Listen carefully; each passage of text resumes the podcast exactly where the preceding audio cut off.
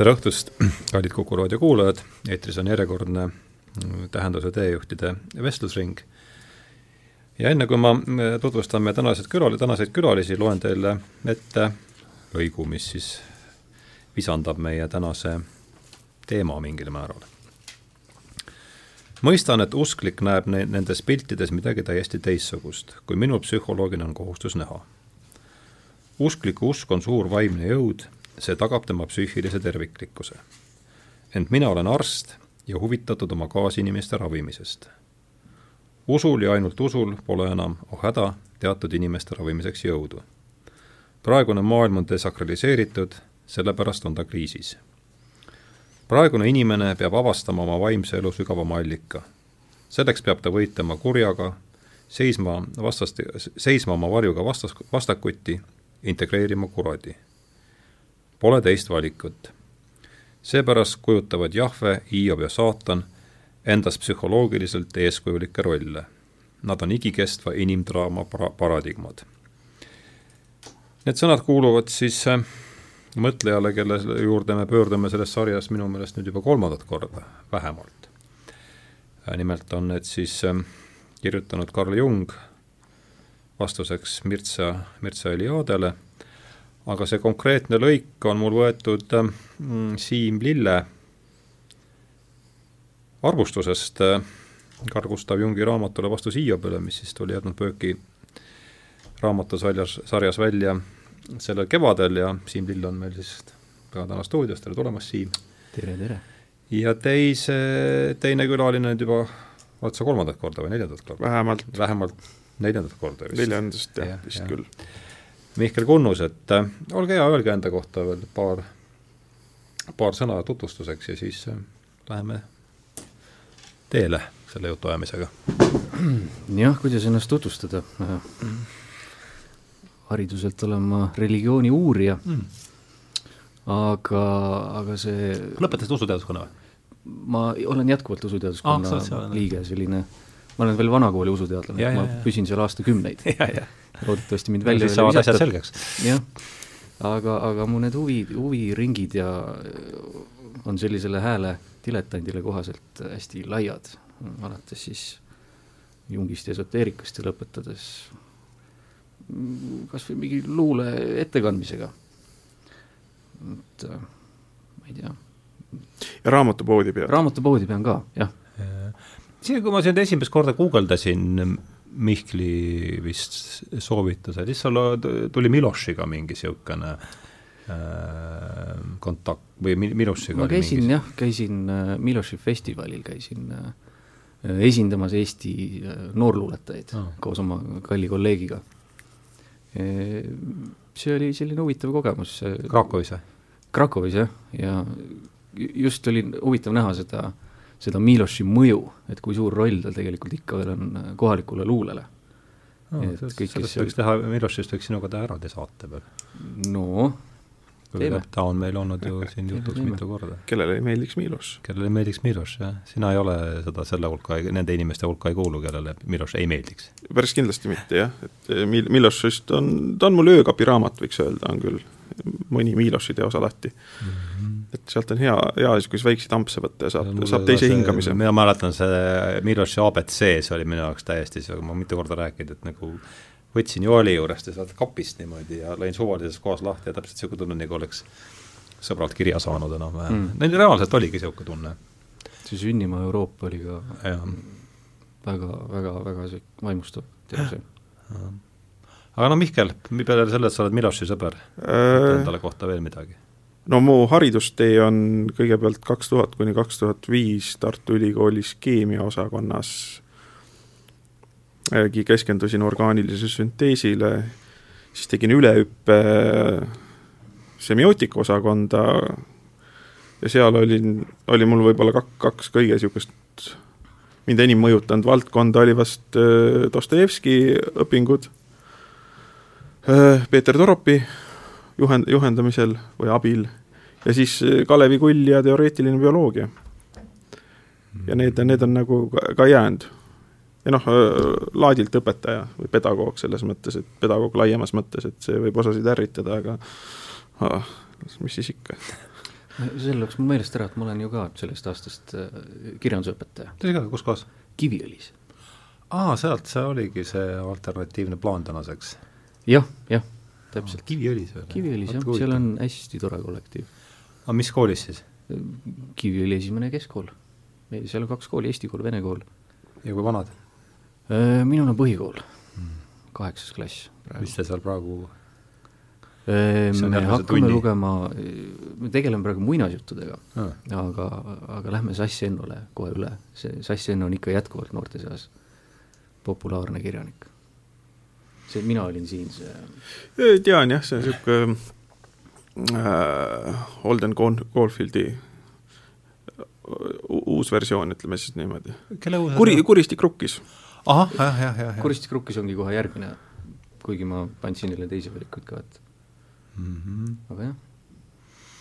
no kena, siis on tutvustusring tehtud ja, ja le-, leppisime kokku, et nii palju, kui seal jutuajamine on jutuajamine, selle me mingit, mingisse sängi nüüd ei hakka üritama teda üldse suru, suruda, aga et nad mingigi äh, ilmakaar oleks maha märgitud, kuhu poole ta, see vestlus meil minema hakkab, leppisime kokku, et lähemegi enam-vähem selle Siimu arvustusega, mis ilmus sul siis, ma vaatan, augusti lõpus, jah?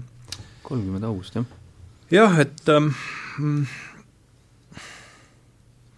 sa ütled siin, et kuna Eestis puudub pärast Eduard Tenmani arvestatav religioonipsühholoogia koolkond, on religiooni ja psühholoogia teemal sunnitud sageli sõna võtma omas vallas pädevad, ent negatiivselt meelestatud inimesed. Jah, see tundub küll nii olevat ja, ja kui ma seda lugesin, siis ma paningi esimeseks küsimuseks kirja, millega ma võiks teele minna, et mis laadi teadus on õigupoolest psühholoogia teie arvates, et noh, ühest küljest me, keegi pole siin psühholoog, aga teisest küljest, kui me poleks, kui me ei oleks psühholoogid, siis me tõenäoliselt poleks ükski meist ka enam elus, et, et me noh, siin inimühiskonnas toimida, me tõenäoliselt peame olema vähemalt harrastus- või, või juhu, juhupsühholoogid, et et, et arutleks kõigepealt selle üle, et mis, mis asi on psühholoogia? ja kumb tahab alustada? no ma võtan siis algusotsa kätte, mis on psühholoogia, psühholoogia on igavesti luhtuv katse inimese sisemaailma teaduslikult kaardistada, võiks öelda mm -hmm. tänapäeval, eks ju. et see, et see pingeväli tuleb väga, väga kiirelt ja kohe välja, et kuna äh, loodust ja, või tähendab, teaduse üldmudeliks on saanud vastavalt öö, äh, oma edukusele loodusteadused, siis äh, üritatakse ka sisemaailma nähtustele läheneda loodusteaduslike meetoditega ja kusjuures seda on öelnud väga paljud kohe välja, et nüüd ma hakkan äh, inimhinge käsitlema loodusteadusliku meetodiga. mul tuleb meelde, et Rudolf Steineri Vabaduse filosoofia algab niimoodi, samasuguse katse teeb Wilhelm Tilti, siis teeb, seda ütleb enda kohta Robert Musil, omal kombel nad kõik äh, õnnestuvad, aga noh, kui, kui tahta olla natukene kriitilisem ja erisevam, siis öelda, et no kus siin on valemid, kus on formulatsioonid, kus on selged definitsioonid, eks ju, kus on arvulised ja kvantitatiivsed suhted, ometi on just see, mis on teinud äh, loodusteadused edukaks. no mina muidugi ütleks sinna see, et äh, loodusteaduste edukus tuleneb äh, nende objekti lihtsusest, mitte nende, nende, nende mm. mudelite või meetodite kuidagi universaalsusest. noh, keemikuna on väga lihtne öelda, et kui ma tunnen väga hästi ühte H-kloori molekuli, siis ma tunnen väga hästi kõiki H-kloori molekule, eks ju selles mõttes, et kuna need on kõik täpselt põhimõtteliselt täiesti eristamatud ja ühesugused, siis neid saab niimoodi uurida. aga hinnaks on muidugi see, et äh, meie, meie vaateväljast jäävad välja keerukamad ja komplekssemad süsteemid, eriti, eriti vahetult, äh, vahetult äh, kaemuslikumalt, fenomenoloogilisemalt avaneva, avanevad struktuurid. no pole, pole isegi võib-olla väga liialdav öelda, et et loodusteaduse meetodiks on metoodiline psüühika kõrvalejätmine või psüühiliste fenomenide mm,, eks ju, subjektiivsuse kõrvalejätmine, eks ju, ja see on ja, selle asja iva ju. see on, see on selle asja iva, eks ju, ja siis me jõuamegi niisuguse nii-öelda parun Münchhausenliku paradoksini, et kuidas jõuda psüühikani, kui meetodiks on psüühika kõrvalejätmine. eks ju mm, -hmm. väga lühidalt kokku võtta. Aga, aga kuna noh, meetodist võib psüühika elimineerida, aga me oma elust ja, ja, ja hingelisest reaalsusest või, või nii-öelda toimimise alusest me ei saa kuidagi psüühikat eli-, elimineerida, siis, siis, siis, siis me jõuamegi niisuguse pinge välja, kus me, kus me tänapäeval noh, mingis mõttes sebime. ja, ja ja, ja vot, vot siin mina saan teha jälle põike Dostojevski juurde, kelle kohta ma olen alati öelnud psühholoog suure algustähega, et et see, kelle vastu ta üheksateistkümnendal sajandil kõige põtkivamalt mässas, eks ju, oligi niisugune positivistlik, positivistlik ühiskonnafilosoofia, Auguste Comte ja Fourieristid ja need, kes mõtlesid väga matemaatiliselt ja mõist-, mõistuspäraselt hakata ühiskonda korraldama ja Dostojevski siis ütleski, et see lihtsalt psühholoogiliselt ei klapi. et see ei tule välja, et inimese psüühika ei tule järgi sellele.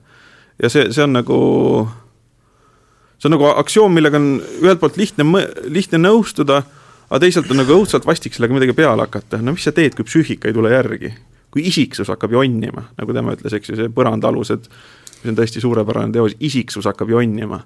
ja siis tuleb hakata vaatama psüühikat, seda jonnivat üksikisikut. kõik ühe hoobiga ümber. et see oleks siis minu väike, väike vaade psühholoogiale.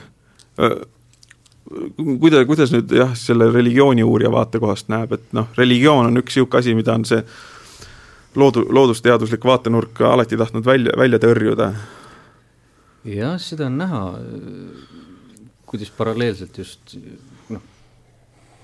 kui religiooniuuringud ja, ja, ja psühholoogia alles tõstsid pead meil et siis see oli midagi muud ja, ja religiooniuuringutes on tegelikult täpselt sama seis, äh, nagu sa kirjeldasid, mis on psühholoogias praegu, aga minu meelest ongi just huvitav, et kui me nüüd oleme selles praeguses hetkes ja võtame selle Jungi maailma sinna kõrvale, kahekümne sajandi algus, äh, kus äh, nii psühholoogia kui, kui religiooniuuringud siis tõsiselt tõstavad pead, et siis ei ole seda vastuolu nii tugevat et kui praegu öelda psühholoog, siis noh, pähe tuleb, kes esimesena tuleb, Jüri Allik ja, ja kes meil siin veel on sellised äh, hästi positivistlikud. tõsised, tõsised psühholoogid ja, ja kui sinna kõrvale võtta ka siin käinud transpersonaalse psühholoogia esindajad, et siis see nagu ei ole, ei ole tõsiseltvõetav.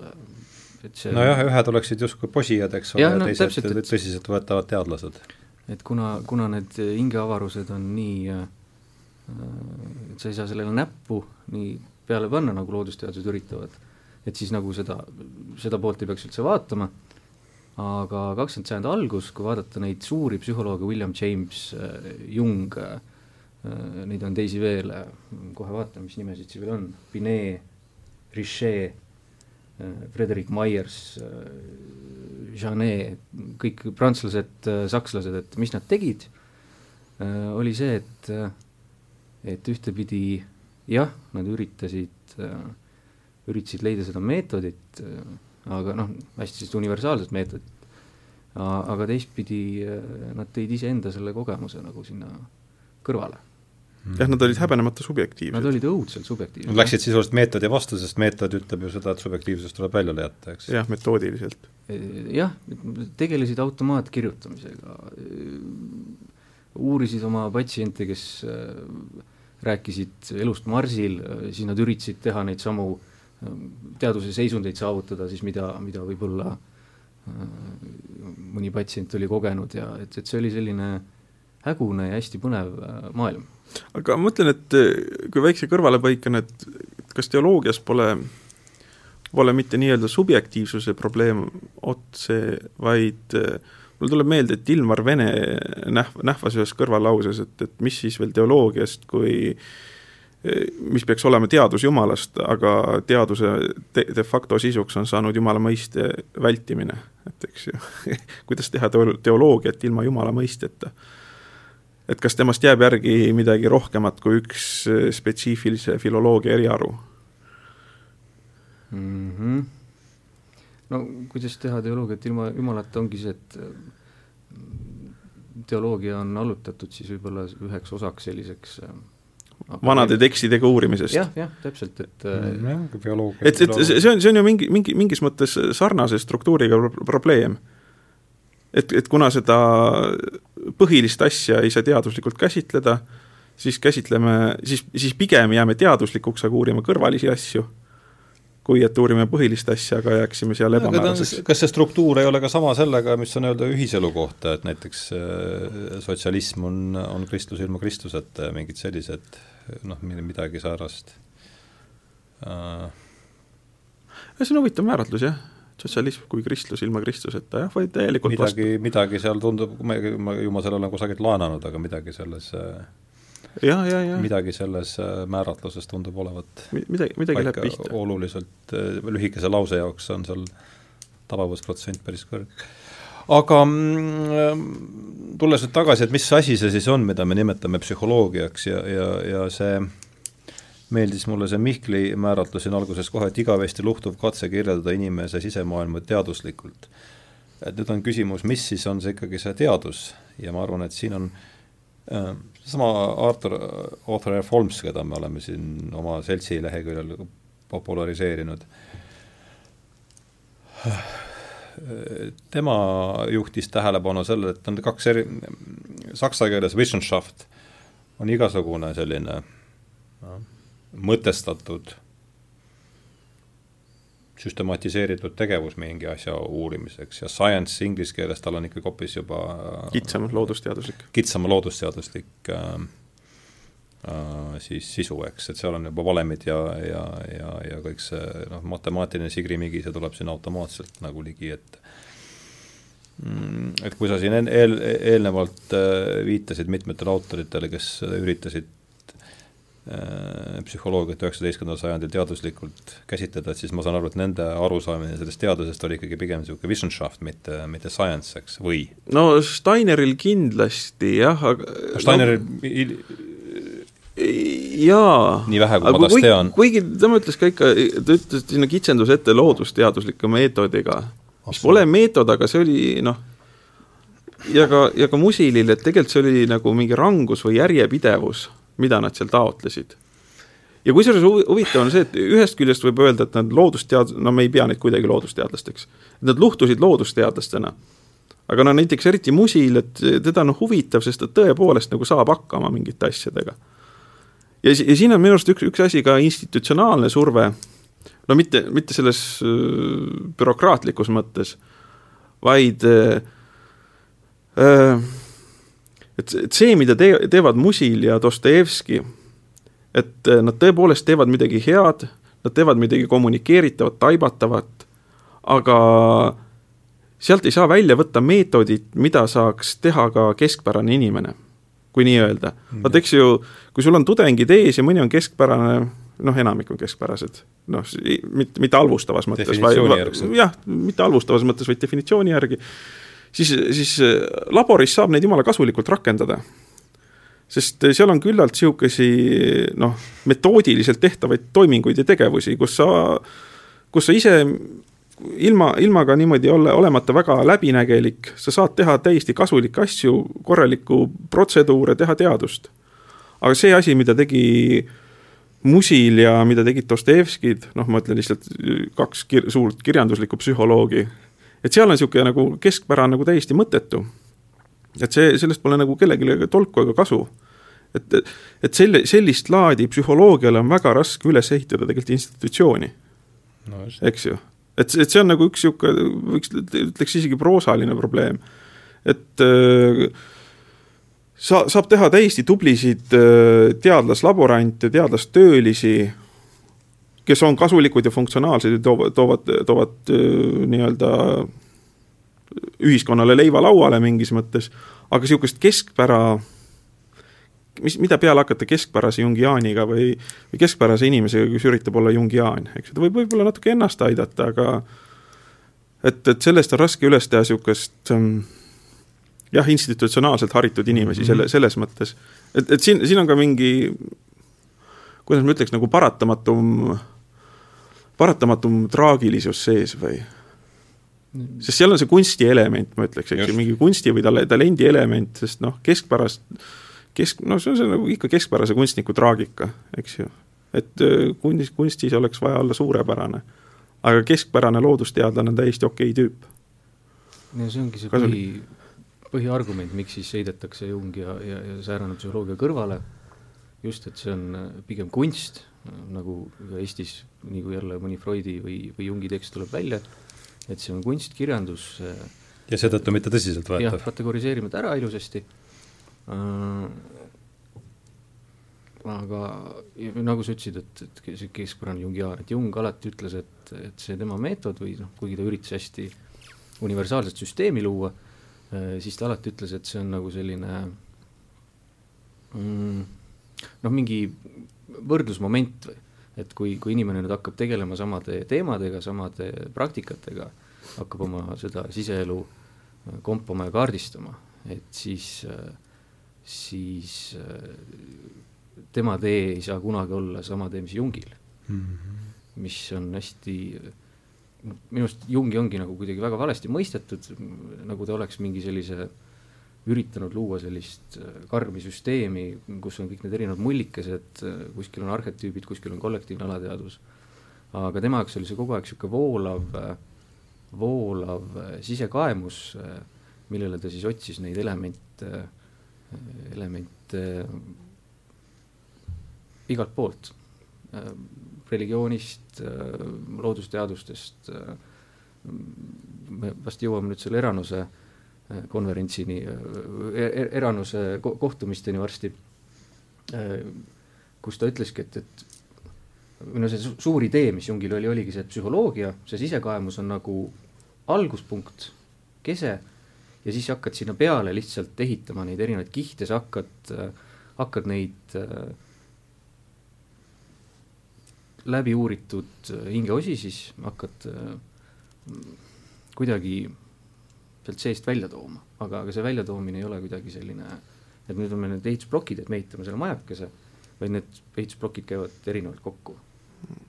nii, mina tahan kohe teada, kes on Eranos kes on Eranos? kes on Eranos, mis kuradi konverents? jah, aga enne kui me sinna ja olen nõus, et kohe lõigame meiegi sinna edasi, aga et ma nüüd, kui sa ütled, et kõige aluseks on see sisekaemus, siis võiks öelda, et ikkagi Jungi niisugune reaalsus hakkab pihta sellest isiklikust kogemusest, saan ma, saan ma, et, et see kui ma nüüd sõnastan sulle selle mm, lause ümber niimoodi, et kas, kas ma teen sulle siis liiga, et kui Jung, Jung ütleb meile seda, et maailma selliseks fundamentaalseks ehitusplokiks on niisugune isiklik kogemus, samal ajal kui füüsikalises maailmapildis oleks siis selliseks fundamentaalseks ehitus, noh, kunagi oli aatom, nüüd on need, see lagunenud sibiputiniteks, et, et, et kas see, kas ma sellisel juhul tõlgendan sind juba, panen sulle juba liigselt sõnu suhu? jaa, aga see isiklik kogemus või see, mida, mida, mida Jung siis,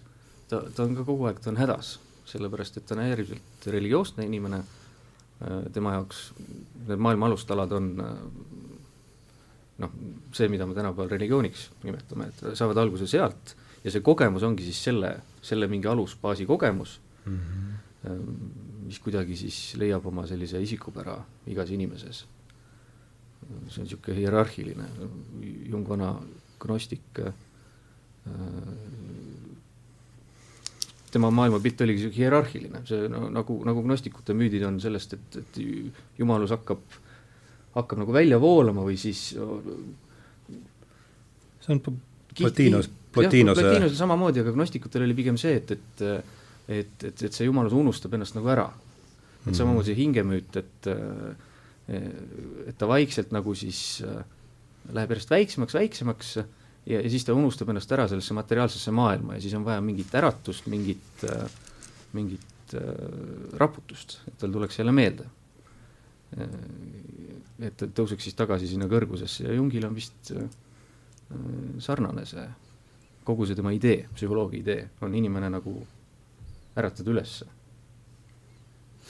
jaa, ja kusjuures ma mõtlen, et see metafoor või see tähelepanu osutus, mis siin võiks osutuda äh, kõnekaks või avardavaks või tähelepanu õigesse kohta suunavaks, on siis, siis inim-, võtta inimese elukaar eks ju, kui, kes on teadlane või kes tegeleb nii-öelda loodusteadusega, et seal võetakse inimeseks mingi ratsionaalne mõistus, võiks öelda isegi ideaalne loodusteadlane on kehatu arvutamisvõime, või kellel on mingid head tähelepaneku omadused, ja, ja kusjuures me võime modelleerida, kõige huvitavam ongi see, et me mingis mõttes võime, me võime loodusteadlast niimoodi modelleerida. paneb tähe, õigeid tähelepanekuid, ta on ratsionaalne, püstitab hüpoteese, arvutab. aga ja noh, on ilmne, et osad inimesed ei jõua sinnani, noh, me võime öelda, et need on vaimselt vähem võimekad inimesed. ka jälle pole midagi viga.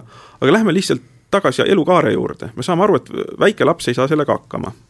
ometigi tal on mingi täiesti selge maailmapilt ja siis on tal, eks ju, erinevad arenguetapid ja noh, näiteks kui me nõustume sellega, võib-olla isegi mäletame, et me kunagi uskusime päkapikke ja jõuluvanasid. ja päriselt uskusime, see oli meie nii-öelda fenomenoloogiline reaalsus. Eks, ja üks asi, mille Jung ütleb ka, et äh, lapsepõlv on mingis mõttes loomuldasa mütoloogiline mm. -hmm. ja kui me võtame siin veel niisuguse psühholoogilise tähelepaneku, et äh, meie psüühikasse vanad kihid mitte täielikult ei kao ära, vaid pigem tulevad sinna uusi juurde ja, ja niisugune ratsionaalne kiht on äh, üks suhteliselt hiline arenguetapp, mida tuleb, mida tuleb juurde võib-olla, eks ju, seal noh, paindlikult noh, et äh, mul tuleb meelde, et Aaro Toomel ütles, et see on niisugune teadusliku mõiste võime lausa psühhofüsioloogiliselt. et selle jaoks peab olema noh, enam-vähem täisealine, eks ju, seal kuskil teisme ja keskel selles mõttes seal tei-, teist, teist noh, ütleme kuusteist, seitseteist, kaheksateist, et varem pole võimalik. mulle see Tallinna psühholoogi Aaro Toomela puhul nagu meeldib, et ta seob selle täiesti ajustruktuuriga, ütleb, et nagu lapse aju, eks ju, kuna see ka areneb, seal kasvab, diferentseerub, sünteesib, eks ju, et noh, väike laps ei saa põhimõtteliselt olla teaduslikult mõelda, ta ajuehitus ei võimalda tal. Ja, ja noh, sama probleem on murdeeas, kus toimuvad ajus väga suured noh, füsioloogilised muudatused ka, eks ju, seal mingid järsku organism paisatakse hormoone täis ja aju ehitatakse täiesti füüsiliselt ümber, väga palju kaardistatakse ümber. Aga noh, ontogeneesist me teame ka seda, minu arust just kui vaadata arengu, arengubioloogia seisukoha pealt, kus on pääril väga suured teened, eks ju, et et see, kuidas toimub nii-öelda organismi areng ja ka liigiline diferentseerumine, fülogenees, eks ju, et äh, mida algus, alguse poole on, seda rohkem on ühine nende meie kunagiste evolutsiooniliste sugulastega. Ja need hilisemad diferentseerunud kihistused tulevad ainu-, üha, üha, üha rohkem juurde ja peale, eks ju. ja siis mingi etapp on tõepoolest niisugune ratsionaalne inimene no me võime tinglikult öelda, et meie populatsioonis kõik ei jõuagi sinna, eks ju, see võib kõlada patroniseerivalt, aga noh, arengubioloogiline tõsiasi, et kõik ei jõua isegi ratsionaalsuseni. aga loomulikult see pole nagu lõppfaas. ja mm, juhuslikult lugesin ühte Ken Wilberi raamatut, seal oli, seal oli väga toredalt tal need äh, etapid ära märgitud, eks ju, just vaatame nii-öelda ontogeneetilisest pilgust. Äh, ta vaatas äh, juhuslikult neid kuuekümne kaheksanda aasta mässe et keegi oli teinud nendega katsed, kes nendega seal tänaval oli ja siis tuli välja, et umbes kaheksakümmend protsenti olid preratsionaalsed, noh, umbes mässasid mässu pärast, ja ainult kakskümmend protsenti olid siis nii-öelda ratsionaalsed ja natuke ka transratsionaalsed. Need, kes nagu said aru, kellel olid kuidagi põhjendatud ja nii edasi, ja, ja noh, see võib-olla määratleb ka üldisemalt, aga mulle meeldis see mudel, et noh, et ratsionaalsuse järgmine vaade või, või nii-öelda äh, või tähendab, kui ratsionaalsus on üks arenguaste, siis äh, järgmine arenguaste ongi psühholoogiline. sest ma olen nagu intuitiivselt mm, -hmm. ma intuitiivselt kipun sellega nõustuma. eks ju, aga siin mulle meeldib, me-, meenub ka Mälli, Mälli üks, üks osatus, et äh, ta reageeris kellegi reageerimisele Oshole, kus ütleti ka, et noh, ratsionaalsusest tuleb välja intuitsioon, aga et inimeste põhihäda, eriti need laia massi esoteerikud, on need, kes peavad oma instinkti intuitsiooniks. tähendab, need, kes pole veel ratsionaalsusesse jõudnud, sest me saame aru, et nii-öelda ratsionaalsust saab, saab äh, pisendada mõlemalt poolt. ühelt poolt on see nagu hapude viinade marjad, hapude viinamarjade mm -hmm. ratsionaalsuse põlgus, sa pole mm -hmm. sinna jõudnud. ja, ja siis sa mõtled, no kuradi noh, äh, kaledad ratsionalistid, eks ju, et äh, ei, ei salli neid et nad panevad maailma Exceli tabelisse ja mõtlevad, et see ongi kõik. aga siis saab olla niimoodi, et paned maailma Exceli tabelisse ära ja näed, et see pole veel kõik, eks ju, ja lähed edasi. midagi jääb üle. midagi jääb üle jah, et, et et on niisugune nii-öelda ratsionaalsus, ratsionaalsuse psüühiline ületamine ja seal tuleb sisse just see indiviid ja ja, ja sellepärast kogemus. jah, jah. hästi, aga nüüd tuli see sõna juba lipsas sisse siin, esoteerika, ja, ja siit ongi mm, ilmselt hea hüpata selle järgmise teema juurde, mida me siin juba niimoodi ette tuttavalt mm, käis see sõna läbi, kas on õige rõhk on Eranos või? Need äh, konverentsid, mis seal siis äh, loodetavasti on rõhk kuskil Eranose, jah. jah, sealkandis vähemasti, et ähm, ja, ja no nende kriitika nende aadressil ja, ja räägiks kõigepealt üldse, mis siis äh,, siin annaks siis kõigepealt sõna Siimule, et mis, millega meil seal Eranose konverentside puhul siis äh, tegemist oli mm,? See, kogu Eranose protsess algas, tegelikult hakkab pihta ka, et me sai alguse just sellistest äh, äh esoteerilistest äh, spontaansetest äh, väljahüpetest või kuidagi, et kui inimesed hakkasid äh, nagu praegugi erinevaid selliseid ähm, väikseid kommuune looma. küll oli selliseid tervisliku toitumise kommuune, siis nad praktiseerisid erinevaid äh, vaimseid harjutusi, tegid äh, Steineri ümbergi koondus, Steiner, keda me juba mainisime, Eranos oli sarnane, et äh, Šveitsis ühe väikse äh,, väikse maatüki peale üks äh, Olga Fröve nimeline naisterahvas üritas siis ka kokku tuua tolleaegseid guurusid äh, ja sellist äh, väikest kommuuni luua. esialgu see ebaõnnestus tal, aga, aga siis ta kuidagi, kuidas see täpselt nüüd käis, ma ei mäleta, äh, sattus kokku Carl Gustav Jungiga. Jung, kellel oli juba sellel ajal see ei olnud üldse Jungi initsiatiiv esialgu või? Algu-, algselt jah, et, et see, see, see, see eranos, millest me nüüd mida nagu teatakse rohkem, see on Jungiga seotud? see on, see on tihedalt ja see ongi, Jung on see kese. aga Jungil oli just äh, olnud äh, idee äh, kas luua üks ajakiri minu meelest, kus oli siis samamoodi, et see psühholoogia oleks nagu see kese ja, ja sinna ümber ta siis kok-, kutsus kokku erinevaid äh, kirjanikke, teadlasi äh,, et noh, kes kõik kirjutaksid äh, siis vastavalt mingile teemale oma vaatenurgast aga see ebaõnnestus ja, ja siis äh, tuli välja hoopis Eranuse konverentsid või kogunemised, mille, mille mõte oligi siis selles, et, et äh, on täielik intellektuaalne vabadus äh,. alates siis Schrödingerist, Eliadest äh,, Martin Buberist äh,, kõik tolleaegne äh, selline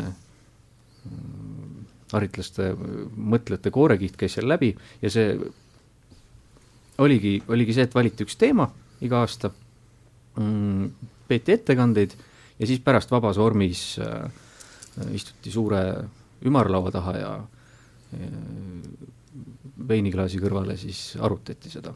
aga see üldine idee oli neil just selline vastureaktsioon tolleaegsele positiivismile või et mm -hmm. ja mille eest ka seda Eranost ja Jungi ja, ja kõiki, kes sinna ümber on koondunud, Henri Corbin ja Eliadet on, on kritiseeritud, Gershom Scholem ja Tillich ja, ja Suzuki ja Gereni ja Adolf Portman, ma ei tea, bioloog. jaa, Portman on biosemiotikas väga oluline autor. tema oli samamoodi Jungi üks parem käsi seal. et mi-. Tillich oli ka seal lõppkondis? Tillich käis ka, et noh, osad käisid läbi korra, kaks korda, mõned jäidki käima, aga, aga jah, et see, nende see põhiidee oli, oli just, et võidelda siis selle sellise ajaloo terrori vastu. ahah, anna mulle Siim palun, sa käisid meil enne juba selle, seal raadiovestlusele eelnenud vestluses läbi see ajaloo terror, et anna palun siin natukene värvi juurde sellele, et mis mõttes ajaloo terrori vastu? noh, nad tahtsidki leida neid mingeid universaalseid inimesele omaseid jooni. kus, kusjuures see mulle meenutab nagu pigem positiivismi jah, aga see on, see on sügavalt äh, religioosne, et see, see kese oli ikkagi Aa, oli, oli, oli sellises psühholoogias, aga selles, selles mõttes, nagu me oleme rääkinud siin psühholoogiast mm. -hmm. et leida neid äh,, mitte ära seletada, aga just, et, et tuua erinevaid paralleele, et, et lahata läbi mingid äh, protsessid, mingid äh, äh, mõisted ja, ja pakkuda siis võib-olla sellist alternatiivset teed, näidata, et, et et, et ei ole tegelikult seda vastuolu mm, siis võib-olla positiivismi ja, ja, ja sellise no mingil määral ma adun seal nagu sellist igiomast katset alates juba Aquinost, eks, lepitada omavahel teadust ja religiooni. kas, kas ja, mitte? jah, jah, see jah, võib ka nii öelda, jah. Ja selle eest neid muidugi äh, on nüüd materdatud ja materdatakse juba selle püüde pärast, eks? jah, lõputult, sellepärast et noh, kuidas saab olla niimoodi, et on äh, noh, näiteks seesama Eliade, et kuidas saab olla äh, India alkeemial ja, ja, ja siis äh, keskaegsel lääne alkeemial ühisosa. Nad on ju nii erinevad sotsiaalsest keskkonnast ja ajaloolisest äh, juurest välja kasvanud, et siis, siis materdatakse maha inimesed, et noh, ma ei tea. jaa, kusjuures me võime öelda ka, et eks ju noh, mingis mõttes on see äh, see vastuolu, noh, kus ta tänapäeval on ük-, üks asi on, eks ju, me võime öelda evolutsioonibioloogia, mis näeb, eks ju, ja kusjuures äh, antirassistid, mõned neist ütlevad, et tõepoolest, eks ju, et inimene on, inimesed on geneetiliselt nii lähedased, et see kultuur on äh, noh, niisugune väi-, väike, väike kerglane pinnakiht, eks ju, mida, mida ei tasu tähele panna. aga samas on ka ju väga tugev see liikumine, mis ütleb, nagu kultuur on nagu tohutult määrav, et kultuurilised erinevused on tohutult määravad ei, ja kusjuures peab ütlema, et mingis mõttes ka on, eks ju, et neil, neil on, et need, need äratundmised on mingis mõttes komplementaarsed no,. see on see nurture ja nature igavene debatt teine, eks ole, jah. nojah, põhimõtteliselt see, mis nad tegid, oligi seesama. eks ju, üritad kät-, et noh, on üritada kätte saada teatavad universaalid inimese psüühikas mm, -hmm. eks ju, see, mis eh, nii-öelda sugulastab Aquino Toma ütleme siis eh, hinduistidega mm, -hmm. eks ju, et eh, neil pidi mingi reaalsus olema sama, sest inimene on nii sarnane, mingi, mingis ülesehituslikus mõttes, eks ju, noh, nüüd me saame öelda ka evolutsioonilises mõttes tõepoolest inime-, inimesed on väga sarnased ja, ja, ja kusjuures noh, kust leida neid sa-, sarnasusi?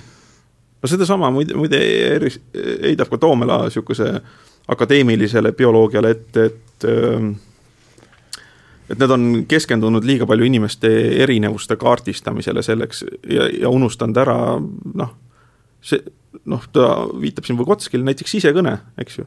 sisekõne, mis on mingis mõttes noh, mis me, mis meie mõttetegevus on, mõttetegevus on üks sise, sisekõne vorm, eks ju. katkemata joru. meil kogu aeg mingi vada peas käib, eks ju, aga sama, samas nagu me kvantitatiivse psühholoogiaga ei pääse sinna ligi, ükstapuha, kui, kui peeni elektroode me roti pähe ei paneks, no ei saa ligi aga et see võiks olla see psühholoogia üks uurimisobjekt, eks ju, aga noh, see on metoodiliselt kõrvale jäänud. ja tõepoolest, Jung oli ju ka üks neid, kes otsis inimese mingis mõttes universaalne. kuidas see psüühika areneb ja minu arust see on väga huvitav, kuidas ta ontogeneesi käigus areneb, et, et sealt tähelepanu ja hakata, hakata meenutama näiteks, kuidas endale lapsepõlves maailm, maailmapilt toimis ja tema mälestustes on üks hästi, hästi tore seik, eks ju, need on paratamatult isiklikud kus ta tegi ühe väikse, väikse nuku, peitis selle ära kuhugile pööningule mingi sarika taha. Ütles, et tal oli, tal oli nüüd saladus ja mul tuli meelde, et ma tegin ka mingi niisuguse väikse puukujukese ja noh, et et mm, -hmm. et see nagu, ma olen selle ammu ära unustanud, mingi nagu psüühiline sodi, et see pole nagu tähelepanuväärne, eks ju, no poisik ikka teeb mingi alla kümneaastane noh, mängib omaette, eks ju, ja fantaseerib ja aga tõepoolest, eks ju, ega see poisike pole kuidagi vähem inimene kui, kui, kui täi-, täiskasvanud äh, ratsionalist, eks ju. et selles mõttes tema ka tegutseb maailmas, üritab seda kuidagi oma kombel süst, mõtestada, oma kombel mõtestada, süstematiseerida, ja tõepoolest, eks ju, näiteks, et noh, väga, väga huvitav küsimus, eks ju, et miks, miks laps loob endale saladuse, eks ju. väga, väga raske, et miks ta teeb endale ise mingi väikse asjakese, võib-olla isegi suhtleb sellega samamoodi, mida teeb laps, kui ta suhtleb laste, lastega, eks ju, selles mõttes on minu arust näiteks arengupsühholoogia ja lapsepsühholoogia on noh, tõepoolest ta on väga huvitav valdkond. Eriti, eriti mulle meeldib Jungi juures see, see noh, jälle ma sattusin ise samasse ikka, kus ta ütleb, et noh, kolmekümne viie ja neljakümnenda eluaasta vahel on veel üks murrangupunkt inimese elus. et, et ei ole kuidagi, siis on platoole jõudnud, ammu kuskil teismeeas jõuab platoole ja siis vaikselt tiksub ringi. et noh, see, et see on nagu mingi, mingi manduv aspekt isegi et, et see, et see areng kestab edasi, eks ju, ja need psüühilised teisenemised vähemalt potentsiaalina on võimalik, et inimene areneb edasi. Et seda on väga lohutav uskuda, ma ütleks. Jungi jaoks oligi see murdepunkt, just see, kui ta, ta oli, oligi umbes nelikümmend oli saanud, oli Freudist just suure hurraaga ennast eemaldanud, põhiliselt nad läksidki ju tülli sellepärast, et et Jung hakkas neid erinevaid religioosseid motiive otsima mm -hmm. erinevatest mütoloogiatest, kirjutas Freud on väga antireligioosne, eks? Freudiga on niisugune kummaline asi, et ta, tal oli niisugune salaarmastus okultismi ja kõige vastu, et ta lasi korduvalt astroloogidel ennustada oma, oma surmakuupäeva ja siis, kui nad jälle puusse panid, siis ta ütles, ahaa, nägite, et et te ajate jura, aga, aga siis ta läks jälle nende juurde. ja kuskil on ta öelnud keegi ka, pani pihta lõpuks? ei, no ma kahtlen, aga kuskil Freud ütles ka, et, et kui ta saaks uuesti, uuesti elu elada ja uuesti karjääri teha, siis ta hoopis tegeleks parapsühholoogiaga, mis on väga huvitav. Jung või? ei, Freud ah,. Freud. et noh, Freudi see. Freudis oli selline äh, dilemma sees, aga Jungil oli just täpselt, kui ta nelikümmend sai, et siis tal oli selline sügav kriis äh,, kus ta siis äh, no ise kirjeldab seda, et ta siis kohtus äh, selle teadvustamatu poolega endas, et ja ta sai aru, et ta on nagu, et ta on kogu aeg elanud väliselt, need nelikümmend aastat, ta on hästi palju saavutanud, aga et ta on oma siis just selle hinge unarusse jätnud. ja, ja ta pani kõik oma need kohtumised siis selle teadvustamatu maailmaga, mis talle siis, see kohtumine toimub kuidagi pildiliselt enamasti. et hiljem üritatakse seda sõnadesse panna, aga siis ta, ma olen siin selles arvustuses öelnud ka, et aastad, mil järgisin seesmisi pilte, olid minu elu kõige olulisemad, kõik muu tuleneb sellest. kogu muu elu koosnes selle viimistlemisest, mis purskus esile teadvustamatusest ja ujutas mind mõistastusliku joana üle, ähvardades mind murda kõik hilisem oli pelgalt väline klassifikatsioon, teaduslik viimistlus, ellu integreerimine, aga endas kõike sisaldav luminoosne algus oli siis. näed, ma saan siin teha jälle ühe, ühe minu arust olulise märkuse, et kui me kuulame seda ülestunnistust, eks, ja milline oleks nagu üks, üks õige tubli teadlaslik lähenemine, tead-, õige te-, tubli teadlaslik võtaks, lähenemine on võtaks rohud peale. mitte rohud peale, vaid maksimaalne skeptilisus Mhm. eks ju, maksimaalne skeptilisus, tõesta, formuleeri, vaatame järgi, teeme korratavad katsed. no me ei saa sellele ligi, eks. et äh, Jung käsitleb siin valdkonda ja kuidas me saame Jungi uskuda? me saame Jungi uskuda siis, kui me läheneme talle nii-öelda kirjandusliku lugemiskoodiga, see tähendab, et me usaldame teda. Me usaldame teda selles mõttes, et ta ei taha meid mingite teadusrahade pärast petta, mingi jampsi artikli, kui kirjutada lihtsalt sellepärast, et peab artiklit kirjutama. et, et me mingis mõttes usaldame, et ta räägib tõtt, eks ju. ja see, see usaldamise vajadus on tegelikult jälle miski, millest me tegelikult teadusliku meetodiga nagu üle ei saa. et noh, ma, ma ei taha siin jälle, noh, seda, seda ikka tasub võib-olla vahel üle korrata, et teaduslik meetod on väga head, aga sellel on omad piirid. Eks ju, sellel metoodilisel rangel usaldamatusel on kahtlemata väga head äh, tagajärjed, kui me üritame elutut loodust pinnida, ise, isegi elusat loodust pinnida. aga, aga mingi, mingi valdkond jääb varjatuks, eks ju, näiteks see, kuidas, kuidas me pääseme ligi inimese sisemaailmale, oma kunagistele lapsepõlve mälestustele. ja noh, eks ju, kui me ütleme nii, nii Jungi kui, kui Freudi puhul tahetakse öelda nagu pelgalt kirjandus mm. -hmm. mis, mis, ma ütleks, mis pagan mõttes pelgalt, eks ju. jah, mis on pelgalt kirjandus? et no ma ütleks, et see on kir-, kirjandus kõige paremas, olulisemas ja sügavamas mõttes. ja kirjanduskriitikuna võin öelda, et noh, loomulikult tohutus koguses produtseeritakse ka täiesti mõttetut pahna, eks ju, kirjanduse nime all. aga noh, nii-öelda teatav verega kirjutamise traditsioon, et, et, et see on ju no mingis mõttes väga oluline ma ei taha jälle kasutada sõna alternatiivne, kuna see sõna on pärast, pärast Trumpi valimist saanud, saanud ühe, ühe, üheselt nöö, nöökava varjundi, aga ta on ju ääretult oluline inimelu rikastav valdkond, on tegelikult see kirjanduslik psüühika uurimine ka. et see, mida inimesed vahendavad kirjanduslikult ja nii-öelda usalduse baasilt mm. -hmm. enne kui me läheme, tahaks sellest raamatust ja sellest autorist natuke rohkem kuulda, aga aga kui iga kord, kui Jungile jutt läheb, siis noh, see, selge see, et me ei pääse sellest arhetüübi mõistest, see on ju, tuleb iseenesest, et järsku üritaks selle vestluse raames kuidagi ära enda jaoks määratleda.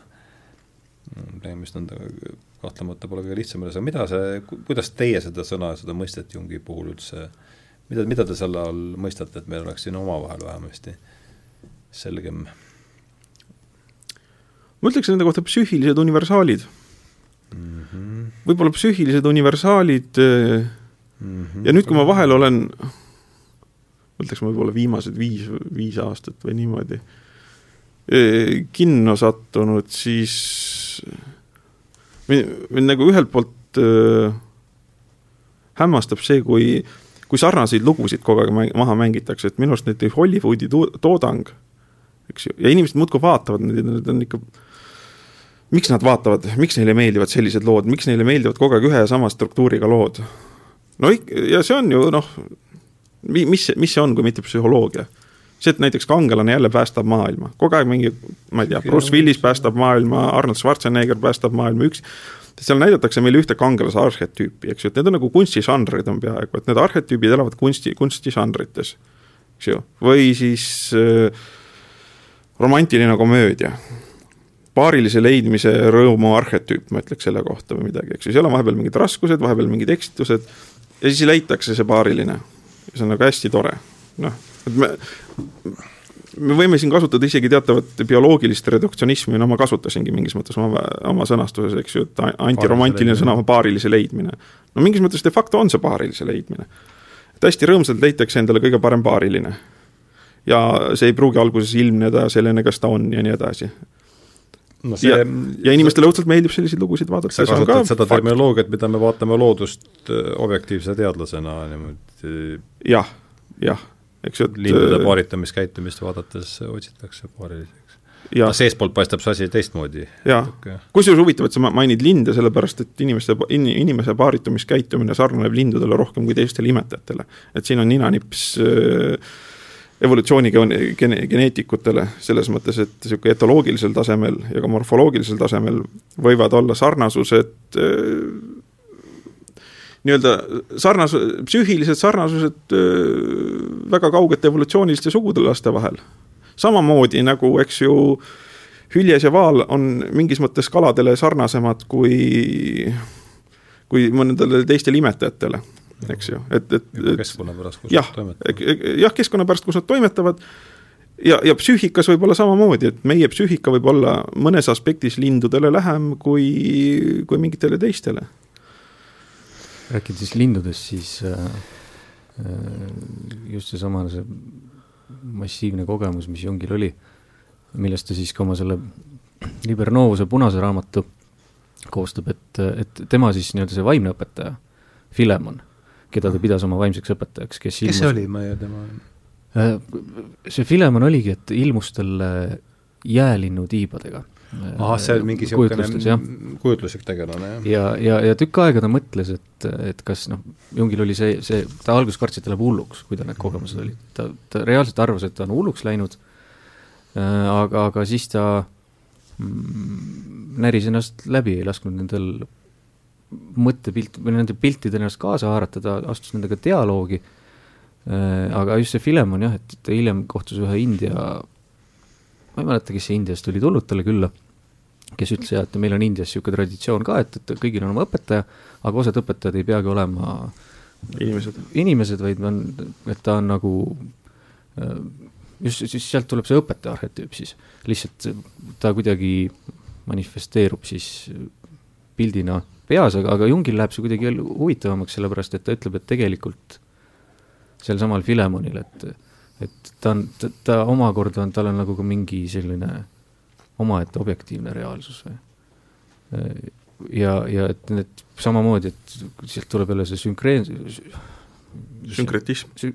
mitte sünkretism, vaid see, mis see printsiip nüüd Jungil oli? sünkroonsus või? sünkroonsuse printsiip jah, et näiteks kui talle ilmus esimest korda see Filemon, eh, siis äh, samal päeval ta leidis akna tagant äh, surnud jäälinnu, keda ta jah, tuleb, see, jäälindu... see on nüüd selles mälestustes ja ununenud. jah, ta on mitmel pool seda jah, just, just, just, jah, see tuleb nagu tuttav et, et, et kuidagi need äh, äh, psüühilised protsessid siis äh, kajastuvad ka ka füüsilises reaalsuses. jah, aga neil ei ole nagu otsest kasuaalset sidet ja jah, eks ju noh, mida tähendab sünkroonsus, sünkroonsus tähendabki samaaegsust, eks ju, mingis mõttes. sõna otseses äh, mõttes. sõna, sõna otseses mõttes jah, tõesti, ja see, ja see on nüüd miski, mis läheb esoteerikasse, seda me ei usu, et kui mingi psüühikas on mingi sündmus, no tal on seal tõesti mingi nuga läheb katki ja mingi mööblitrükk praksub sinna, tekib ühele massiivsele kirjutuslauale suure pauguga no, mõra sisse. selgelt ei mahu sellesse olemasoleva, valitsevasse kosmoloogiasse praegu. jaa, see, noh, see tõepoolest ei mahu ja, ja, ja seda lugedes noh, kui mina lugesin, siis ma mõtlesin ka, et see läheb minu kosmoloogiaga vastuollu. no tõepoolest, eks ju. no midagi, miks et, et ma olen ikka nii, nii palju ilmalik ratsionalist, et kui, sest noh, loomulikult see selles mõttes mahub, mõtlen juhus kogu moos, eks ju, juhus, loomulikult laud kuivas ja mööblitükk vahel tuleb pauguga mõra sisse, sest laud kuivab, et see, et see ei, see, see, see, see, see ei lammuta minu füüsikalist maailmapilti. Freudiga kokku said ja siis jah. aga jah, see ongi just huvitav, et, et minu selle kosmoloogiaga läheb jälle see väga hästi, et noh, siin me erineme, aga samal ajal me Jungi nagu mõlemad peame oluliseks ja noh, seesama sünkroonsprintsiip, et miks Jung näiteks astroloogiaga tegeles, kõik, kes tulid tema juurde siis äh, äh, õppima või, või jah, õppima, et ta enamasti tegi neile ka siis astroloogilise sünnikaardi. ja, ja tema jaoks oli jälle see, et, et just, et see noh, seda kasuaalset seost ei ole, aga, aga, aga ta kohe noh, ta tundis, et kui ta selle teeb, et siis ta, siis ta juba suhestub inimesega paremini ja, ja teab mingeid neid noh, nagu astroloogia see põhimõte ongi, et sa siis jah, kusjuures selle, selle ma mahutan ka oma maailmapilti ära, et eks ju noh, astroloogiline juhi, juhi nii-öelda kirjeldus või kaart võib noh, toimida ise täituva ennustusena mingis mõttes, eks ju, sa loed, sa hakkadki niimoodi käituma, sest me oleme piisavalt plastilised ja vabad, ja kusjuures äh, hiljem, hiljem mäletan, Tuul Sepp minu arust kirjutas, kes on täiesti positiivistlik evolutsiooni äh, bioloog äh, nii-öelda noh, kui me läheme selle juurde, et ütleme, et sünniaja mõju, sünniaja epigeneetilised mõjud, sünniaja nii-öelda mm, morfogeneetilised või, eks ju, et, et kui me mõtleme lihtsalt sellele, et see, mis aastaajal inimene sünnib, sellest sõltub näiteks, millised äh, õietolmud on parajasti õhus, milline on valgusrežiim ja see kõik äh, avaldab mõju geenekspressioonile, laksti ilusti sobib ta paika tõepoolest, kevadised lapsed on teistsugused kui sügisesed lapsed, eks ju. kui me paneme sinna juurde veel institutsionaalsed süsteemid, näiteks koolisüsteem, et kas sa oled sügisel sündinud või kevadel sündinud, sellest sõltub, kas sa oled oma klassis suhteliselt vanem või suhteliselt noorem.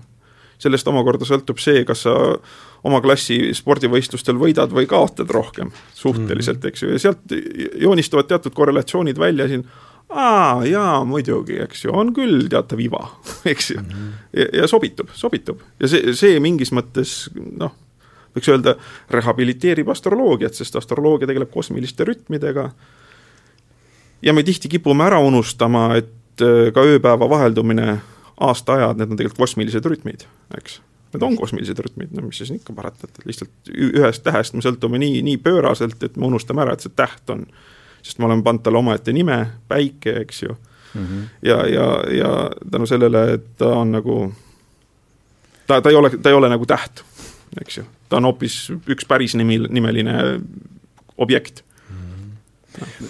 aga võtaks sinult ka veel selle, et mul see arhetüüp, psüühiline universaal päris äh, hea, kuidas sina seda jääd? ma nõustun sellega, jah. sama, ja minu arust on see ka päris kenasti. nii et ta ikkagi viib meid otsapidi sinna Platoni, Platoni kanti midagi, mis jah, vorm, mingi vorm, mis on, kust, kus ta täpselt on, siin või sealpool? Jung ju selle idee tegelikult võtab ka, ta võtab vist Filonilt selle, aga Filon muidugi võtab ju ka platonismist ja siis et jah, ikka sinna tagasi. aga selle astroloogia kohta, et eh, korraks ma tulen selle juurde tagasi, eh, siis peaks vist kiiremas korras looma sellise astroloogia instituudi näiteks ja Tartu Ülikooli juurde, sellepärast et ka Jüri Allik oma ääretult äh, ebaeetilisemas äh, tekstis üldse, mis saab olla, see Freudi järelsõna, ütleb, et astroloogia ei äh, ei ole ilmtingimata täiesti vale, et see on võib-olla see kokkupuutepunkt siis, kus me suudamegi nüüd tuua selle karmi loodusteadusliku maailma sellise jah, eks ju, et, et võib, no see on ilus näide, et osu-, osutub, et seal on ka selline, selline alus, asu, osa, mis sobib nii-öelda loodusteadusliku kosmoloogiaga. Mm.. eks no lõpuks on ju need mingid asjad, mis seal liiguvad. Ja, ja sest, sest ma olen nagu tühjuses. seda ütles juba Feuerbach, eks ju, et, et öelda, et religioon on vale, ei ole tegelikult piisav, piisav seletus, eks ju, et või, või, või me ei saa sellega rahulduda. et eh, see tähendab, et tuleb religioonile leida, leida seletus. ja, ja kusjuures ma nagu ei suuda ausalt öelda leida paremat eh, noh, mille peale, millele tuli juba William James, eks ju, et järgmine etapp mida me vahele jätta ei saa, on mingis mõttes filosoofia ja metafüüsikate psühhologiseerimine. Selles mõttes, et milli-, milliste psüühiliste Just. avalduste mm -hmm. väljendused need on, eks ju, kust tulevad sisse need erinevused ja selle ütles noh, filos-, selle ütles tegelikult William James kõige paremini välja, noh, suur psühholoogia alusepanija, ääretult oluline ka minu arust äh, teoloogias, või vähemalt peaks olema William James oma religioonipsühholoogiaga. kordades olulisem jah ja. praegu on. et, et äh, millisele, milli-, millisele psüühilisele reaalsusele või korrastusviisile vastavad need asjad, mida me kutsume religioonideks ja näiteks millised filosoofiateks. mida me teeme psüühiliselt, kui me tegeleme metafüüsikaga või filosoofiaga? jah, Junki ütles, et on, oleks aeg psühholoogia ajastul üle minna ja James oli ilmselgelt oli, ta on ise pidanud Jamesi kõige suuremaks õpetajaks. et see freudistlik müüt tuleb, on selline teadlik äh, halvas mõttes müüdiloome siis tegelikult olnud, et ma panin siin Mihkli jutus kirja sellise lause, et oled sa nõus minuga, et, et Jungi arhetüübid on psühhologiseeritud vormid? võid sa, oled sa palju tegema sulle liiga sellega, kui ma seda niimoodi sõnad kirjeldan? Tä-, tähendab, ma võib-olla pööraks hi- hierarhia äh, tagurpidi ja ma ütleks, et äh, Platoni vormid me isegi, me ei tea, kas nad on Platoni või Aristotelese vormid veel, kus, kus nad Jungil paiknevad, seal või siinpool? Tähendab- mis, Ma- ma ütleks, mis, mis mulje teile on jäänud, ma ei tunne Jungi nii hästi. mina ütleksin, vahet ei ole, vahet ei ole selles mõttes, eks ju, et äh, see, mis psühholoogilisest perspektiivist on see, mis eristab, see, mis eristab Aristotelest ja Platonit, on see, et nad pidasid vajalikuks ontologiseerida erinevad psüühikatasandid, kui see oli järgitav. või noh, tähendab, anna veel värvi juurde sinna, palun. nad ta-, nad tajusid erinevaid psüühika aspekte kõige reaalsemana. ja tegelikult see vastuolu on noh, neil ei ole vastuolu. no jaa, et noh, minu arust nad peavad psüühikasse kõik ära mahtuma paratamatult. nojah, nad peavad, Nad- nad, nad- nad, peavad peavad olema parat- mõeldavad, nad Jah, peavad mõistusega haaratavad. Nad peavad olema mõistusega haaratavad, eks ju, meie psüühikas on väga palju erinevaid aspekte, eks ju, see, mida me peame mõttetuks taustamüraks ja see, mida me noh, konkreetselt tajume kõige tõelisemalt olevana. Ja nad mõlemad tajuvad äh, vorme tõeliselt olematuna. ole, tähendab, kui Aristoteles. eks neil mõlemal on äh, värvikirev psüühiline sisemaailm, mis on nagu keskkonnaga täiesti vältimatult seotud kogu meie tajusüsteemi kaudu. aga nad peavad sellest kõige fundamentaalsemaks või põhilisemaks või ontologiseeritumaks erinevaid oma psüühika aspekte. ja see läheb minu arust hästi kokku ka sellega, et noh, kui William James ütleb, et äh, filosoofia ajalugu on äh, filosoofiliste temperamentide kokkupõrgete ajalugu jaa, see on küll ja see on, see on ja siin tuleb muidugi teha see märkus, eks ju, et kui William James räägib temp-, temperamentidest, siis see on Jungi eelne, eks ju, see temperament selles mõttes, et introvertne, ekstravertne, need on Jungi mõisted juba, eks ju, need on ühe, ühed Jungi mõisted, mis on ja Jung pidas kohtumist William Jamesiga üheks oma elu olulisemaks, ma mäletan kuskil nii, nii vähe, kui ma tast tean, eks nii. kohtumine ja üldse, üldse tema tekstid ja nojah, üldse William Jamesi ta pidas üheks oma olulis-, olulisemaks mõjutuseks, nii palju kui mina jaa, ja kusjuures ka Bertrand Russell, eks ju, kes oli hoopis teisest puust tegelane. kas tema oli, pidas ka William Jamesist lugu nii? jaa, ta ütleb, et jaa, no ku- kuigi, kuigi noh, kuigi nende, nende filosoofiline temperament oli Just, nagu täiesti radik- radikaalselt radikaalselt eristuv erinev, nagu diametraalselt. aga jah, minu arust ta ühes kohas, Bertrand Russell ütleb, et kui ta nii-öelda just, just, kusjuures ta vih-, viitab just kohtumisele, ütleb, et ta et kui ta uhtus William Jamesiga, siis ta tajus, et noh, nüüd ta kohtub tõelise suurmehega. et, et, et kõik, mis tema isiksusest kiirgas umbes. aga see ei takistanud teda kuidagi jääma filosoofiliselt täiesti teistele positsioonidele. et minu, minu arust see on isegi tore näide, et kui kes sarnane, noh, et William James nagu pragmatismi alusepanija ütleb ka, et eks ju, me ei tea midagi absoluutselt, tõsi, me ei tea midagi absoluutselt ja me oleme nii-öelda teatud ebakindlusesse heidetud ja ta ütleb seda kuidagi nii-öelda nukra melanhooliaga. siis äh, Bertrand Russell ütleb, me ei tea seda absoluutse kindlusega, eks ta ütleb kuidagi võidukalt, sõjakalt. et, et see on nagu mingi väga ol oluline positsiooni erinevus. temperamendi vahe küll, jah. James ja Jungi muidugi ühendab veel äh, säärane Rootsi visioonide nägija nagu Emmanuel Swedenborg ja see James Aha. oli minu meelest Swedenborgi äh, vähemalt tema pere ja isa oli kindlasti Swedenborgi kiriku liige ja et hästi palju jaa, muide oli küll, jah ja. et see on ja Milošil oli Swedenborg olu-, väga oluline autor, eks ole. Miloš kirjutab jah, et, et ikkagi tuleb see jõhker esoteerika mõõk igalt poolt sisse. Jah, et me nagu, et noh, võiks poeetiliselt öelda, et kui su sees on lambike nii põlema läinud, siis sa, siis sul ei ole pääsu, et sa näed neid kõiki nurkasid, mis on varje täis no mina võtaks, võtaks esoteerikast niimoodi, kui sul on piparkoogi taigen nimega elu ja paned sellele niisuguse Exceli kujulise, Excelise kujulise piparkoogi vormi peale, siis sul kõik, mis sealt üle jääb, ongi esoteerika. kas mitte? Jah, jah. midagi selget sealt sa päris jah, need, need, need, need servad, eks ju, aga osad peavad noh, see, see samamoodi nagu ma ütlesin, eks ju, et enne, enne igat, tundub, et see igatsus on selline, et saame ikkagi sellise piparkoogi vormi, millega me lõikame niimoodi, et ei jäägi servi üldse niimoodi. jah. et kui me selle piisavalt ma ei tea, see on niisugune Saviskivi filosoofia niisugune et eh, ma ütleks niimoodi, et posi-, posi-, positiivistil, veendunud positiivistil faas, mille ma olen ise minu arust selgelt läbinud, omapära on see, et tema tähelepanuvõime on on väga selgepiiriline, selles mõttes, et servad ei ole ähmased. et eks ju loomulikult no ma ütlen siin pisendavalt nüüd enda poole pöördunud, sest loomulikult mul olid, eks ju, unenäod, mul olid kõik need üleminekud hommikul ärkamisega, eks ju, laksust ei tule pilt ette ja õhtul uinudes laksust ei lähe pilt ära ka. eks tegelikult, kui inimene paneb tähele, siis tal tõepoolest on niisugused väiksed, õpib tähele panema, et tal on hämarolekud aga need saab lugeda kõik mingiks tähendusetuks ebarepresentatiivseks sodiks ja, teha seda täiesti mitteteadlikult. et noh, sellega ei pea arvestama. sest noh, nagu Descartes oli minu arust äh, ka oma arutluses meetodis, mis on väga äh, päevikulik raamat selles mõttes, et ta lobiseb seal mõnusalt. ja, siis ta mhm. ütleb, eks ju, et äh, läksin oma hästi köetud tuppa, panin ukse lukku, kõht oli täis, soe oli olla panin veel silmad ka kinni ja noh, oli vaikne, eks ju, ja siis hakkasin mõtlema. et see on tegelikult ju väga ebarepresentatiivne seisund kogu meie olemisest. ja selle jaoks oli ta ette valmistunud, eks ju, ja siis tõepoolest kuna meeltest mingit prügi ja müra ei tule ja su vaim on ka parasjagu kirgas, võib-olla oled veel kohvi ka joonud, ühesõnaga kasutan mingeid aineid, kofeiin on ju kahtlemata üks aine, mis lööb pildi selgemaks. Võib-olla kasutad nikotiini selle peal ka pildi selgemaks natuke, eks ju, kui vähe kasutada.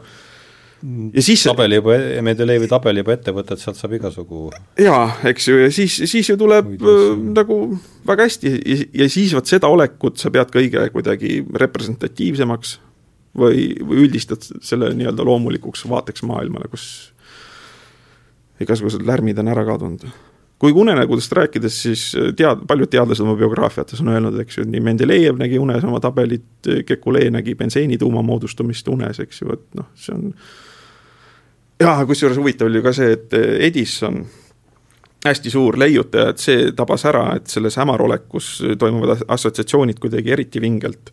ja siis tema nagu proovis metoodiliselt seda assotsiatsioonides tekkivat hämarust Äh, endast tekitada ja siis seal tulnud mõtteid kirja panna, siis see oli nii, nii tore, kuidas ta kirjeldab, et ta võttis mugava tugitooli, võttis paar, vist oli teras- või marmorkuuli kätte, paber ja pastakas laua peal või paber ja sulg, eks ju.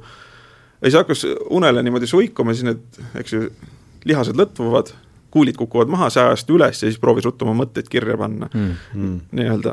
metoodiliselt Met,. jah, täiesti, see on ju minu arust omapärane näide. mingi psühhedeelse seisundi ja, tapamine, eks sest no seda ma olen ka isi, isiklikult tundnud, et noh, eriti kui uinumine on kuidagi vaevaline, näiteks olen liiga palju trenni teinud või midagi, et tõepoolest see uneeelne videviku seisund, meeleline videviku seisund ja mm. hämarolek, no seal ikka laksib sihukest jampsi kokku, et on kohe.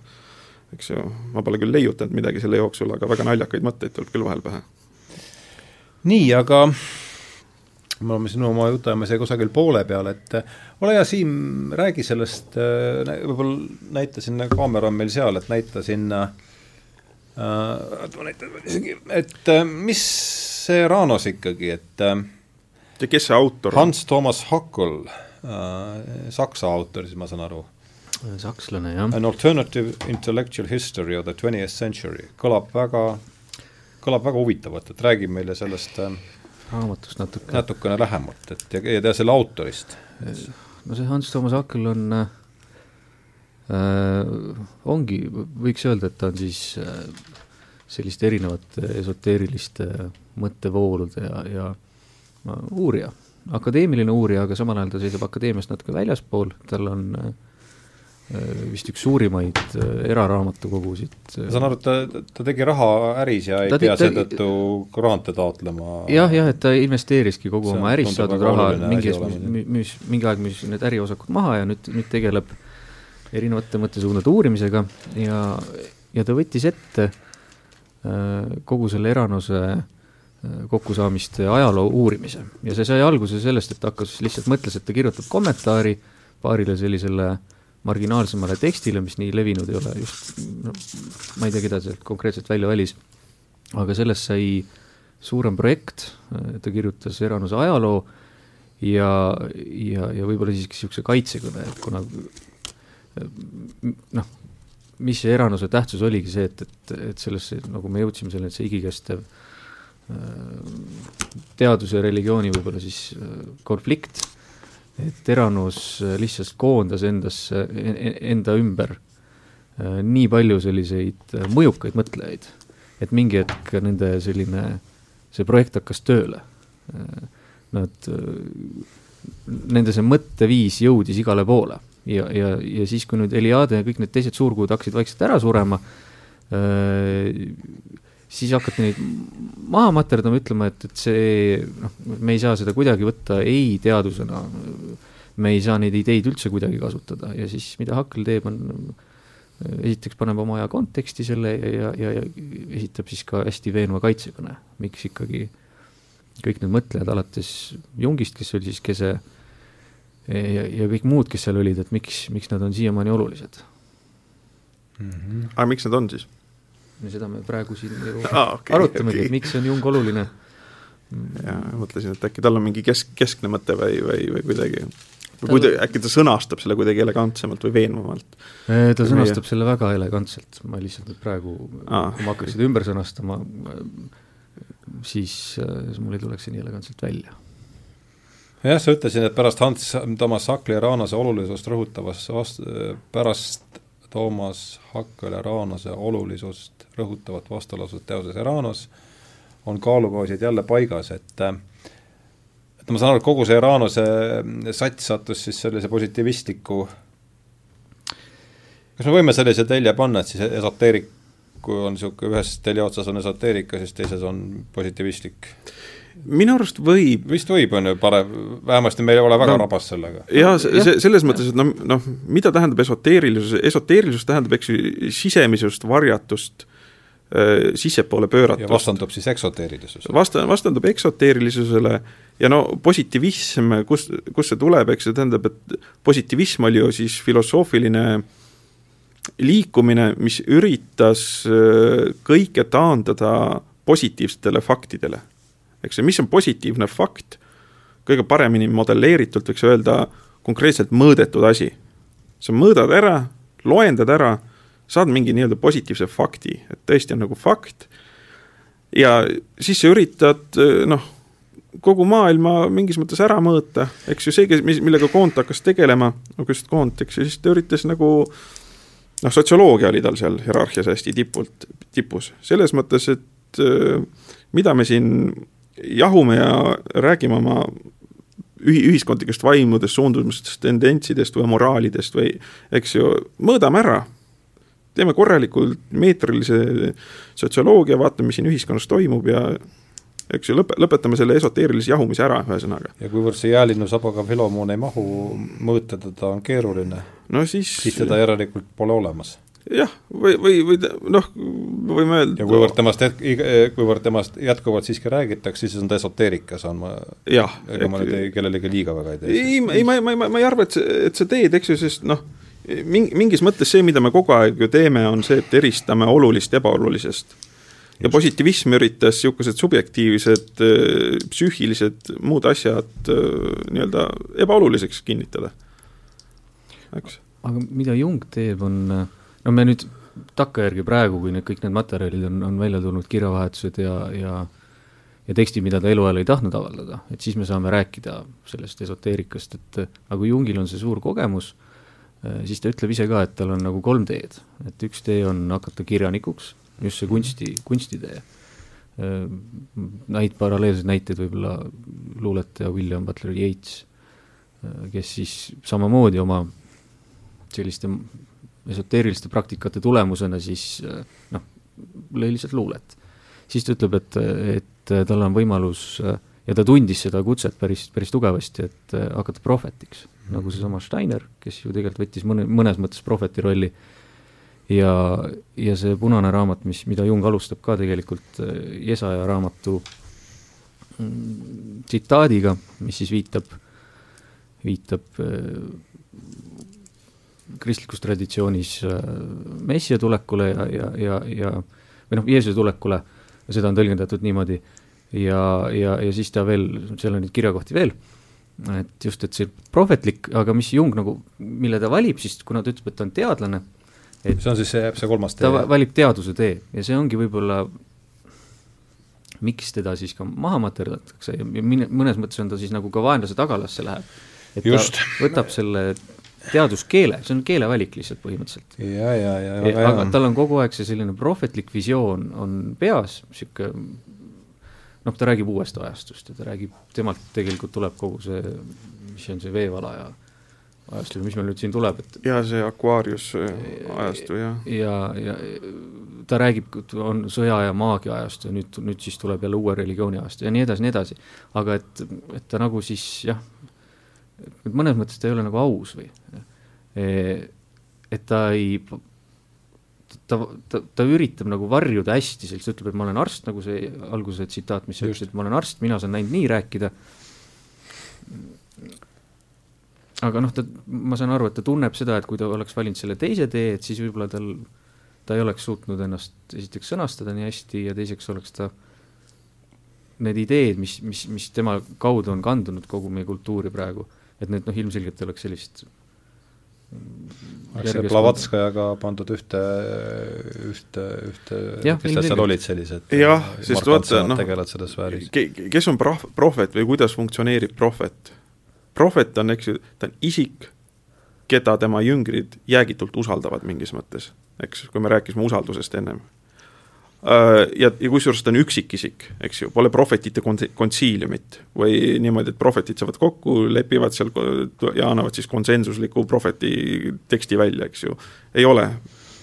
prohvet on põhimõtteliselt on ükzik indiviid, keda väga tugevalt usaldatakse.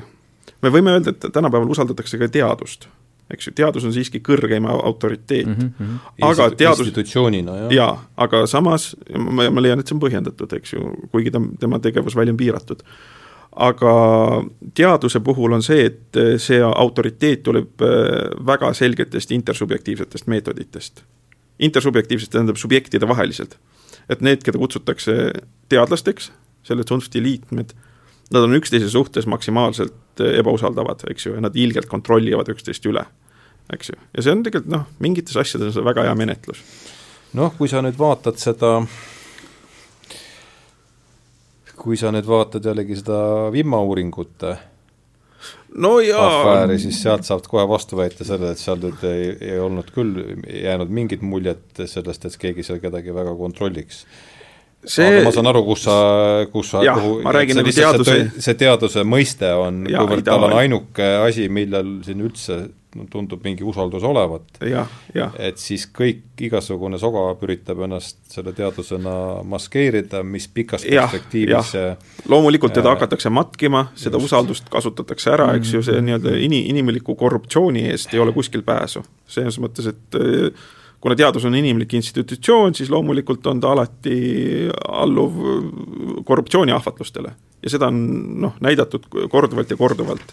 et, et noh, alates juba sellest, et võltsitakse katsetulemusi ja nii edasi, eks ju, aga noh, teadus vähemalt üritab leida mingeid meetodeid, et võimalikult palju neid vigu välja sorteerida või kuidagi sealt niimoodi ja ja et pätid, pätid ja valemängijad saaks karistatud ja noh, loomulikult seal on, seal on vigu, noh, aga see, see ei ole, sellest meil ei ole pääsu no,. Siim, lisada?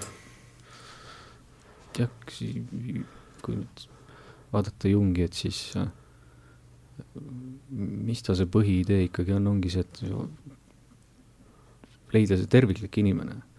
et sa ei saa kuidagi ühte, ühte poole kaldu jääda, et see teaduse pool, aga et seal on nii palju muud veel.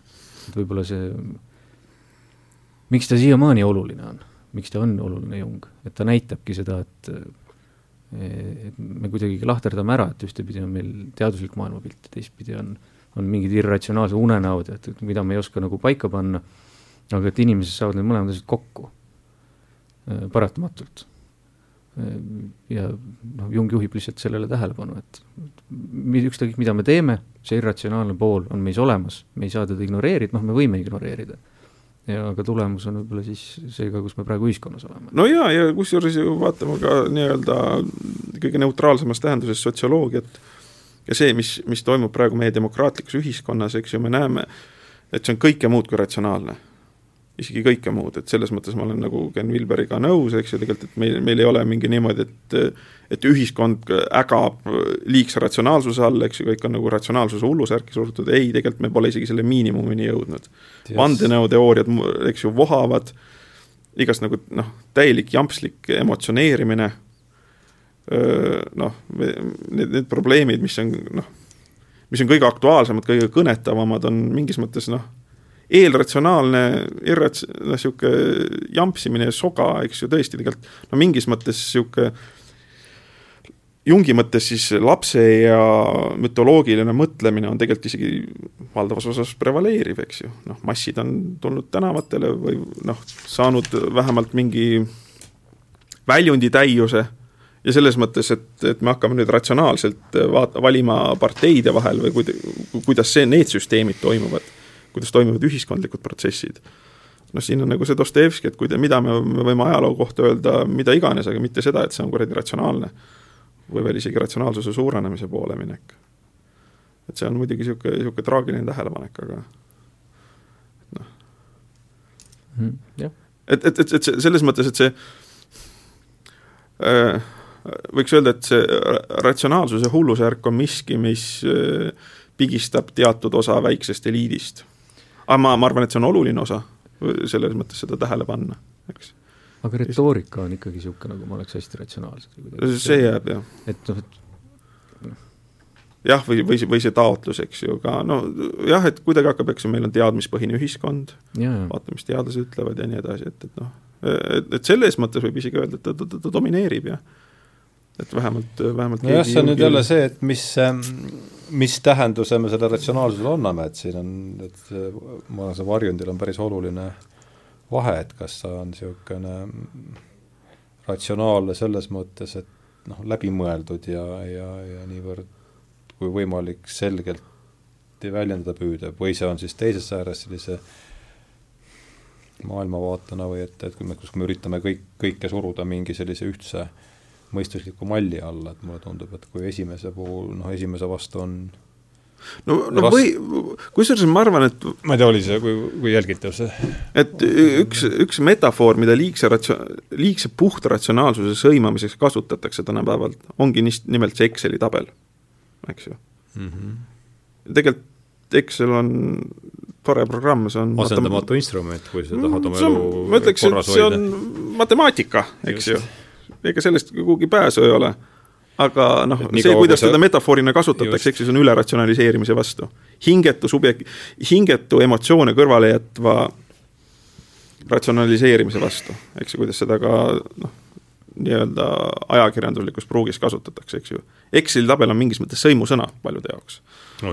Et selle, selles mõttes. ja mitte alati põhjendamatult, aga jah ja, selle Exceli nuhtlemisega minnakse teinekord ikkagi ka täitsa ja, ja mõõdutundetult üle. selles mõttes, et noh, plussid ja miinused pea, peaksid üldiselt ikka kokku saama, me ei saa seda vältida. jah, no Excelisse on hea ka oma päevakava kirjutada. ja vaadata, kuidas selle täitmisega on läinud, et see ei ole minu meelest jaa, aga no ei ole üldse paha mõte seda see on isegi see on veel üks vaimne harjutus. just nimelt. et ei tekiks see Exceli monokultuur, et sul on, põhimõtteliselt võiks just ikkagi nii. võimalus olla vihikusse kirjutada. jah ah,, noh jah, ütleme selles mõttes Excel kui niisugune laien-, laiendatud, äh, laiendatud äh, äh, kujund sellele asjale. aga vaatame, mis meil siin märksõnadena veel kokku vot see on see, mm, mis ma siit võtsin ta räägib sellest samast äh, Filemonist siin, mis on, ma ei saanudki, ma ei mäleta, ma olen seda, neid mälestusi ja mõtteid lugenud küll, ma ei mäleta äh, väga palju, sest Jäälinnuga oli seal midagi pistmist küll, aga aga just tema tegi mulle järk-järgult selgeks, et psühho-, psüühika on objektiivne. vot see psüühika obje- ja hingel on oma tegelikkus, on sul, oled sa siin tsiteerinud Jungi, ma kujutan ette, eks ole, jah? Ja,, see on samast ja see, see mõte käis ka sinu sellest, äh, sa kirjutasid samuti meie kodulehel, eks ole, sellest mm -hmm. samast raamatust äh, retsensiooni, et see et, et noh, küsimus sellest, et kus me leppisime siin kokku selles, eks, et või vähemasti ei sõdinud me keegi selle vastu väga, et arhetüüp on psüühiline universaal ja no me teame keskajast see universaalide, eks äh, vaidlus on, ma kujutan ette, lääne vaimulaadi üks enam, enam mõjutanud äh, debattidest, et kas, kas need, kus need, kas universaalid on reaalsed äh,. mis Jung selle kohta ütleb meile, sest see, mulle tundub, et see otseselt asetub sellesse, sellesse siis äh, realistide ja võime siin meelde tuletada, milles see vaidlus seisnes, see keskaega iseloomustanud vaidlus siis universa-, uni-, no, universaalide küsimuses. kuidas seda võib-olla raadiokuulajatele seletada või panna teda seda vaagima selle küsimuse üle, on siis küsimus, mis tundus ülitähtis, te võite proovida sellele vastata, eks ju, kas on olemas selline asi nagu punasus või on olemas ainult punased objektid, eks et see on niisugune kaugel neutraalselt.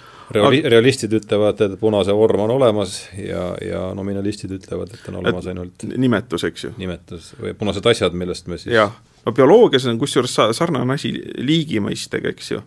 et see li-, mis asi on liik?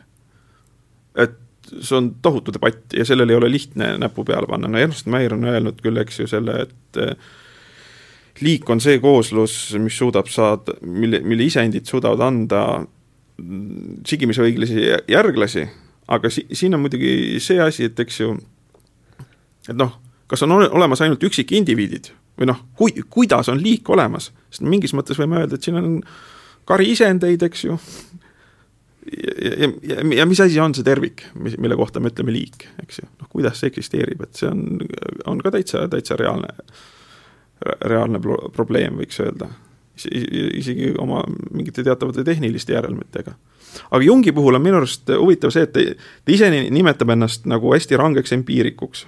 et ta on nagu empiirik, empiirik, aga siin tuleb teha see, see nagu täpsustus, et ta on psüühiline empiirik. eks ju, näiteks, et kui ta kirjutab ufodest, siis ta ütleb, et noh, see on fakt, ufo nägemus on fakt ja seal ta ütleb, kusjuures ufo kogemus on fakt siis ta ana-, analüüsib veel seal, eks ju, et noh, kuidas seda kogemust kirjeldatakse, seal mingi suur objekt, tulekera, aga liigub Tuleta, tuletame meelde, mis on ufo definitsioon, et see on tundmatu lendav objekt ja,. jah, jah. ja siis ta ütleb, eks ju, et kuna tundub, et see, sellel puudub füüsikalises mõttes inerts, see tähendab, et ta ei vaja kiirendust, tundub, et siis tegu on psüühilise fenomeniga, eks ju. ja siis ta hakkab vaagima seda, aga ta ütleb niimoodi, et ufo on fakt. eks ju, see, see, et noh, see on lihtsalt selleks, et meelde tuletada, kuidas tema käsitleb empirismi ja fakti. eks, see on nagu oluline. et noh, väga lihtne on öelda, et see on lihtsalt illusioon või noh, mis me selle teadmisega peale hakkame, et noh, illusioon või eks-, eksitus. mis on illusiooni ontoloogia või me võime öelda. Jung on vist üks esimesi, kes näeb ka kohe kogu selle ufo fenomeni juures, et, et ta hakkab nägema neid samu jooni kogu selles Ald ja, Ald, Ald ja mütoloogias ja kõik, mis on nagu varasemalt olnud. jah, või nõiad või et, et just, et täpselt, et see on nagu seesama mingi, mingi asi seal taga. algimpulss on võtnud selle Jah. tänapäeva keele. jah, täna, tänapäeva väljendab kuju, ennast jah. läbi tänapäevase keele. jah, ja kusjuures siin mulle meeldib, et Lotman ütleb ka, et eks ju, et, et kui on väga ärevad ajad, et siis äh, taaselustuvad või reanimeeruvad arhailisemad teadusmustrid ja ühiskondlikes protsessides ka. kõlab väga usutavalt. jaa, ja minu, minu, minu lemmiknäide on see, mida ma veel is-, isiklikult mäletan, on see, et äh, kui toimus Eesti iseseisvuse taastamine, et siis oli iganädalane ufo saade, minu arust see on asi, mida ei tasu ära unustada. Vahur Kersna tegi saadet Monoloog tundmatuga, see oli iga nädal, inimesed Oli rääkisid küll, oma ufo kogemustest, eks ju.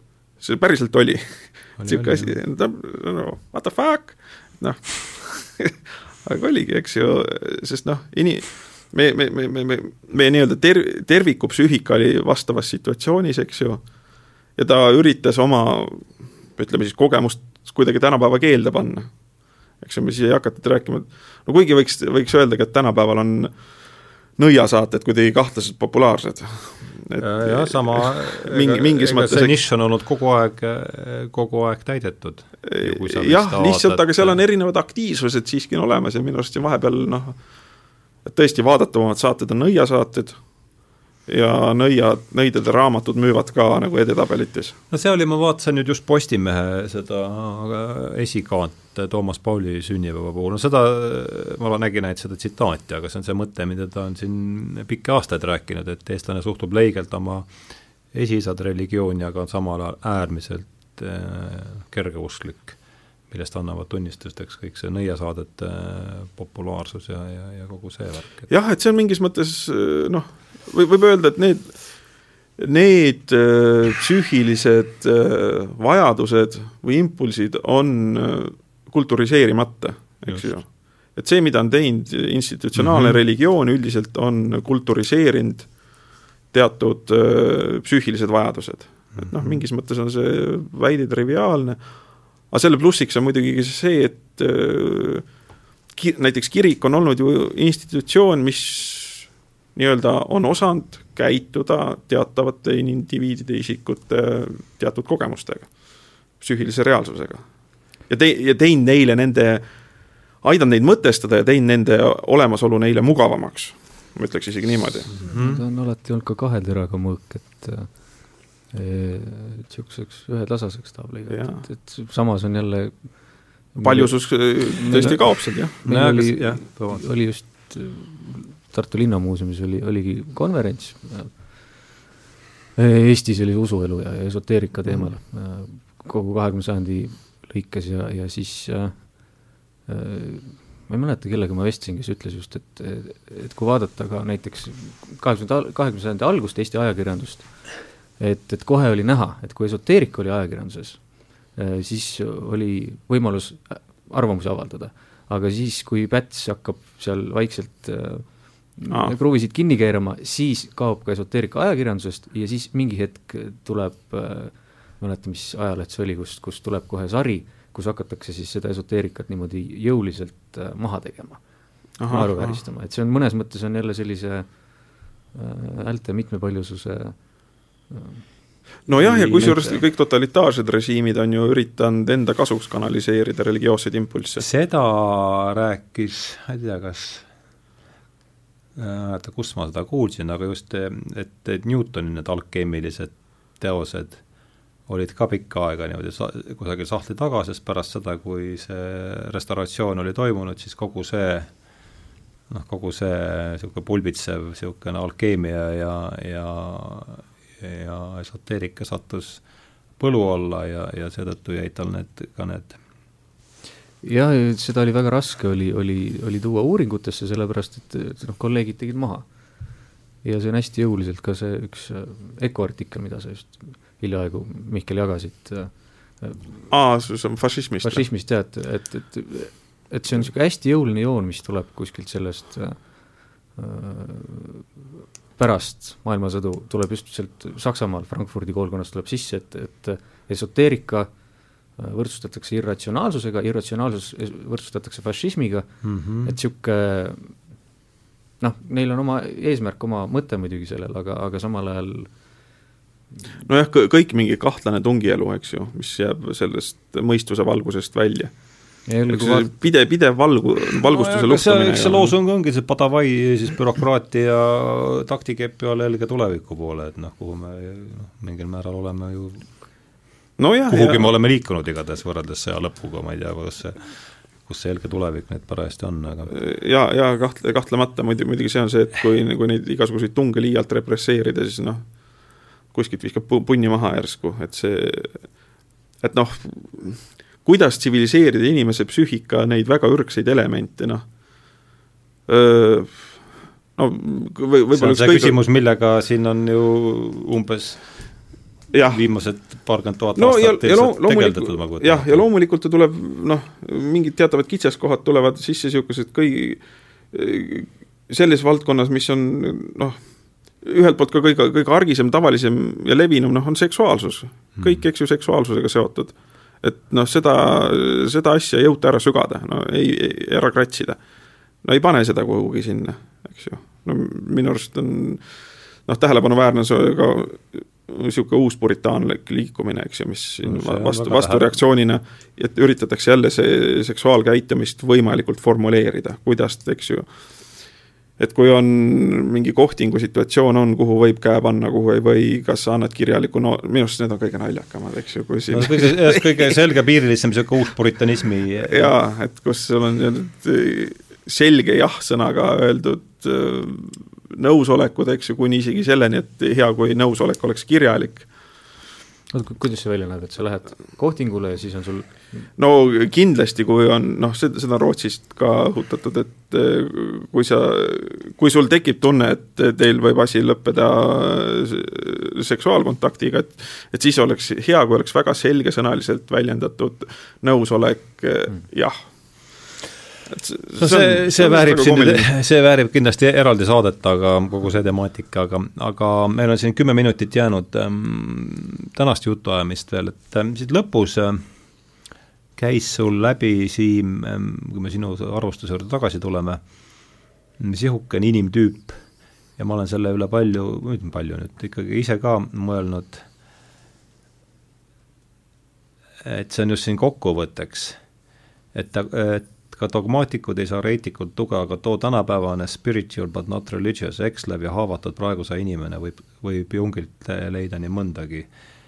et see tüüp, mulle tundub jah, et see spirituaalne, aga mitte religioosne, et mida sa äh, siin järele jäänud kümnekonna minuti vältel üritaks sellele, mulle tundub, et siin sa oled millelegi olulisele, midagi olulist ära näidanud, et mis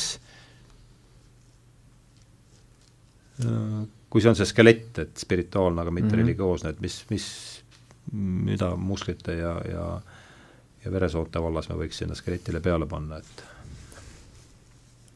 religiooni uurija.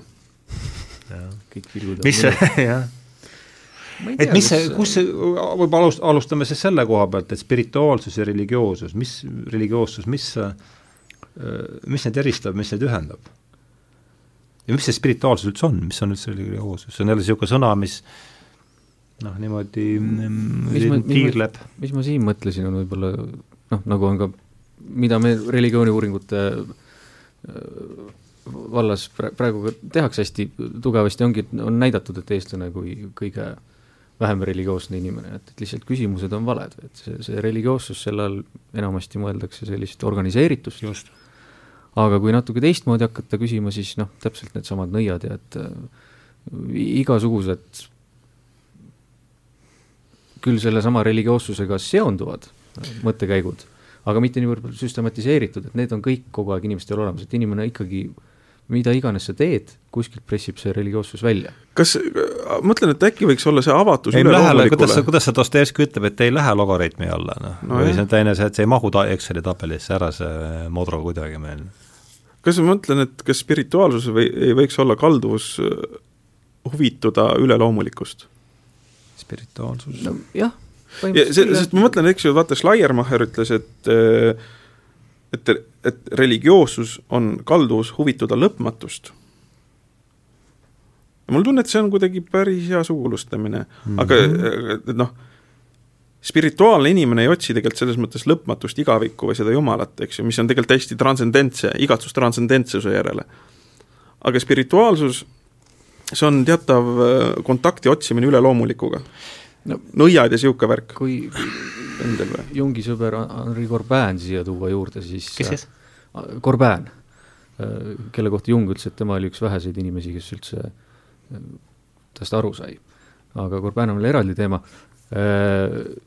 siis tema tõi hästi jõuliselt, tõi, üritas tagasi tuua meie kultuuri selle nii-öelda selle vahepealse maailma, et kui noh, kui religioosselt niisugune klassikaline hierarhia, et kuskil on siis, no hästi lihtsustatud, kuskil on see mingi jumalik alge, ja siis seal vahepeal on terve hunnik just seda vaimud, inglid, mis iganes, tohutud jah. maailmad, et võib-olla see spirituaalsus ongi see äh, ühtepidi võib-olla rõõm seigelda selles vahepealses maailmas. aga, aga ja räägi, räägi, sorry. te, teistpidi on jällegi inimestel on nagu, ei ole neid tugesid, et neil on need impulsid, neil on need kogemused, aga nad ei oska neid täpselt nagu sa ütlesid, et, et see- kulturiseerimata kult-. jah, täpselt.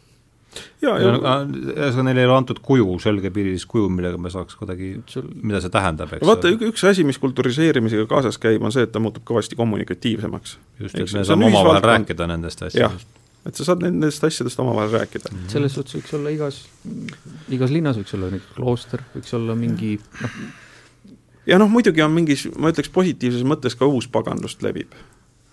Eks ju, see niisugune ökoliikumistega seoses ja võib-olla ka Valdur Mikitaga, niisugust hea, heas mõttes uuspaganlust. ja no eks ongi, et see on niisugune Mulle- polüteistlik, jah, mulle meeldis see äh, määratlus, et spirituaalsus on kalduvus huvitada üleloomulikust ja see üleloomulikkus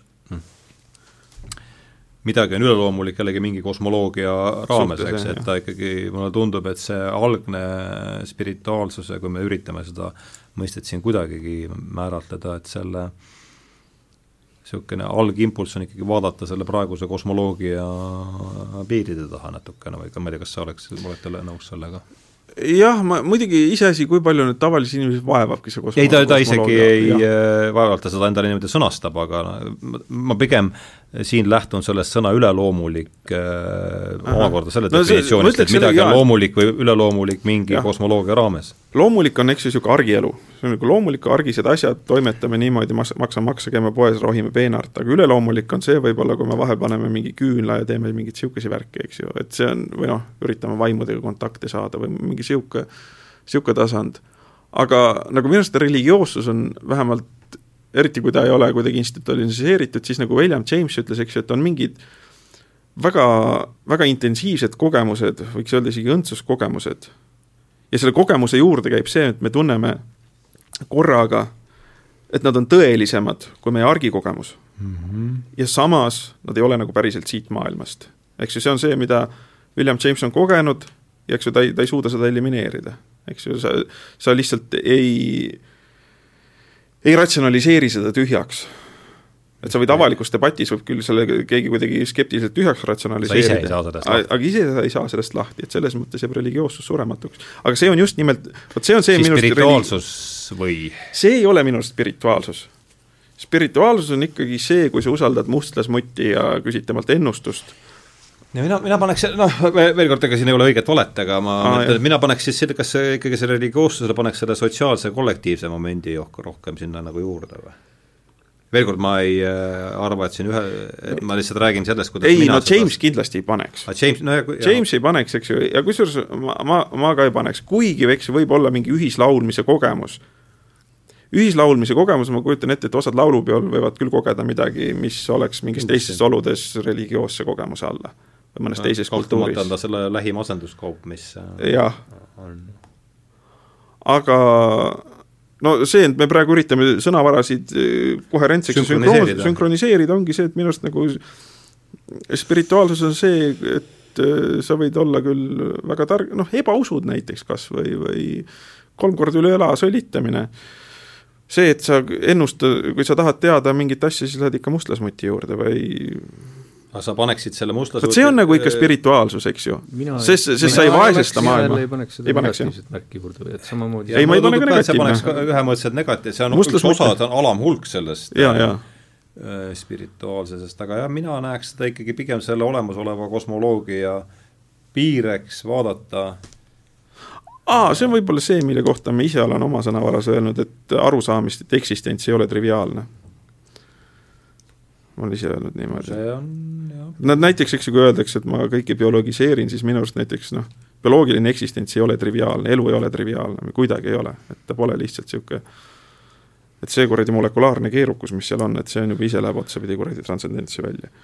see on, ma seda kord, seda autorit siin korduvalt tsiteerinud, kas see David Bentley Hart, kelle raamat on meie USA dialoog, kelle raamatut me siin praegu tõlkimisel, tema niisugune äh, mulle pähe sööbinud mõte, et olemist lahutab olematusest lõpmatu kvalitatiivne vahemaa, et see on nagu, läheb sinna, et olemine ei ole triviaalne, on nagu ja, selle ja. täpselt samasse aga mm, tund nelikümmend viis ligi on möödunud äh, linnutiivul, et äh, mm, aeg on tõmmata sellele jutuajamisele joon alla.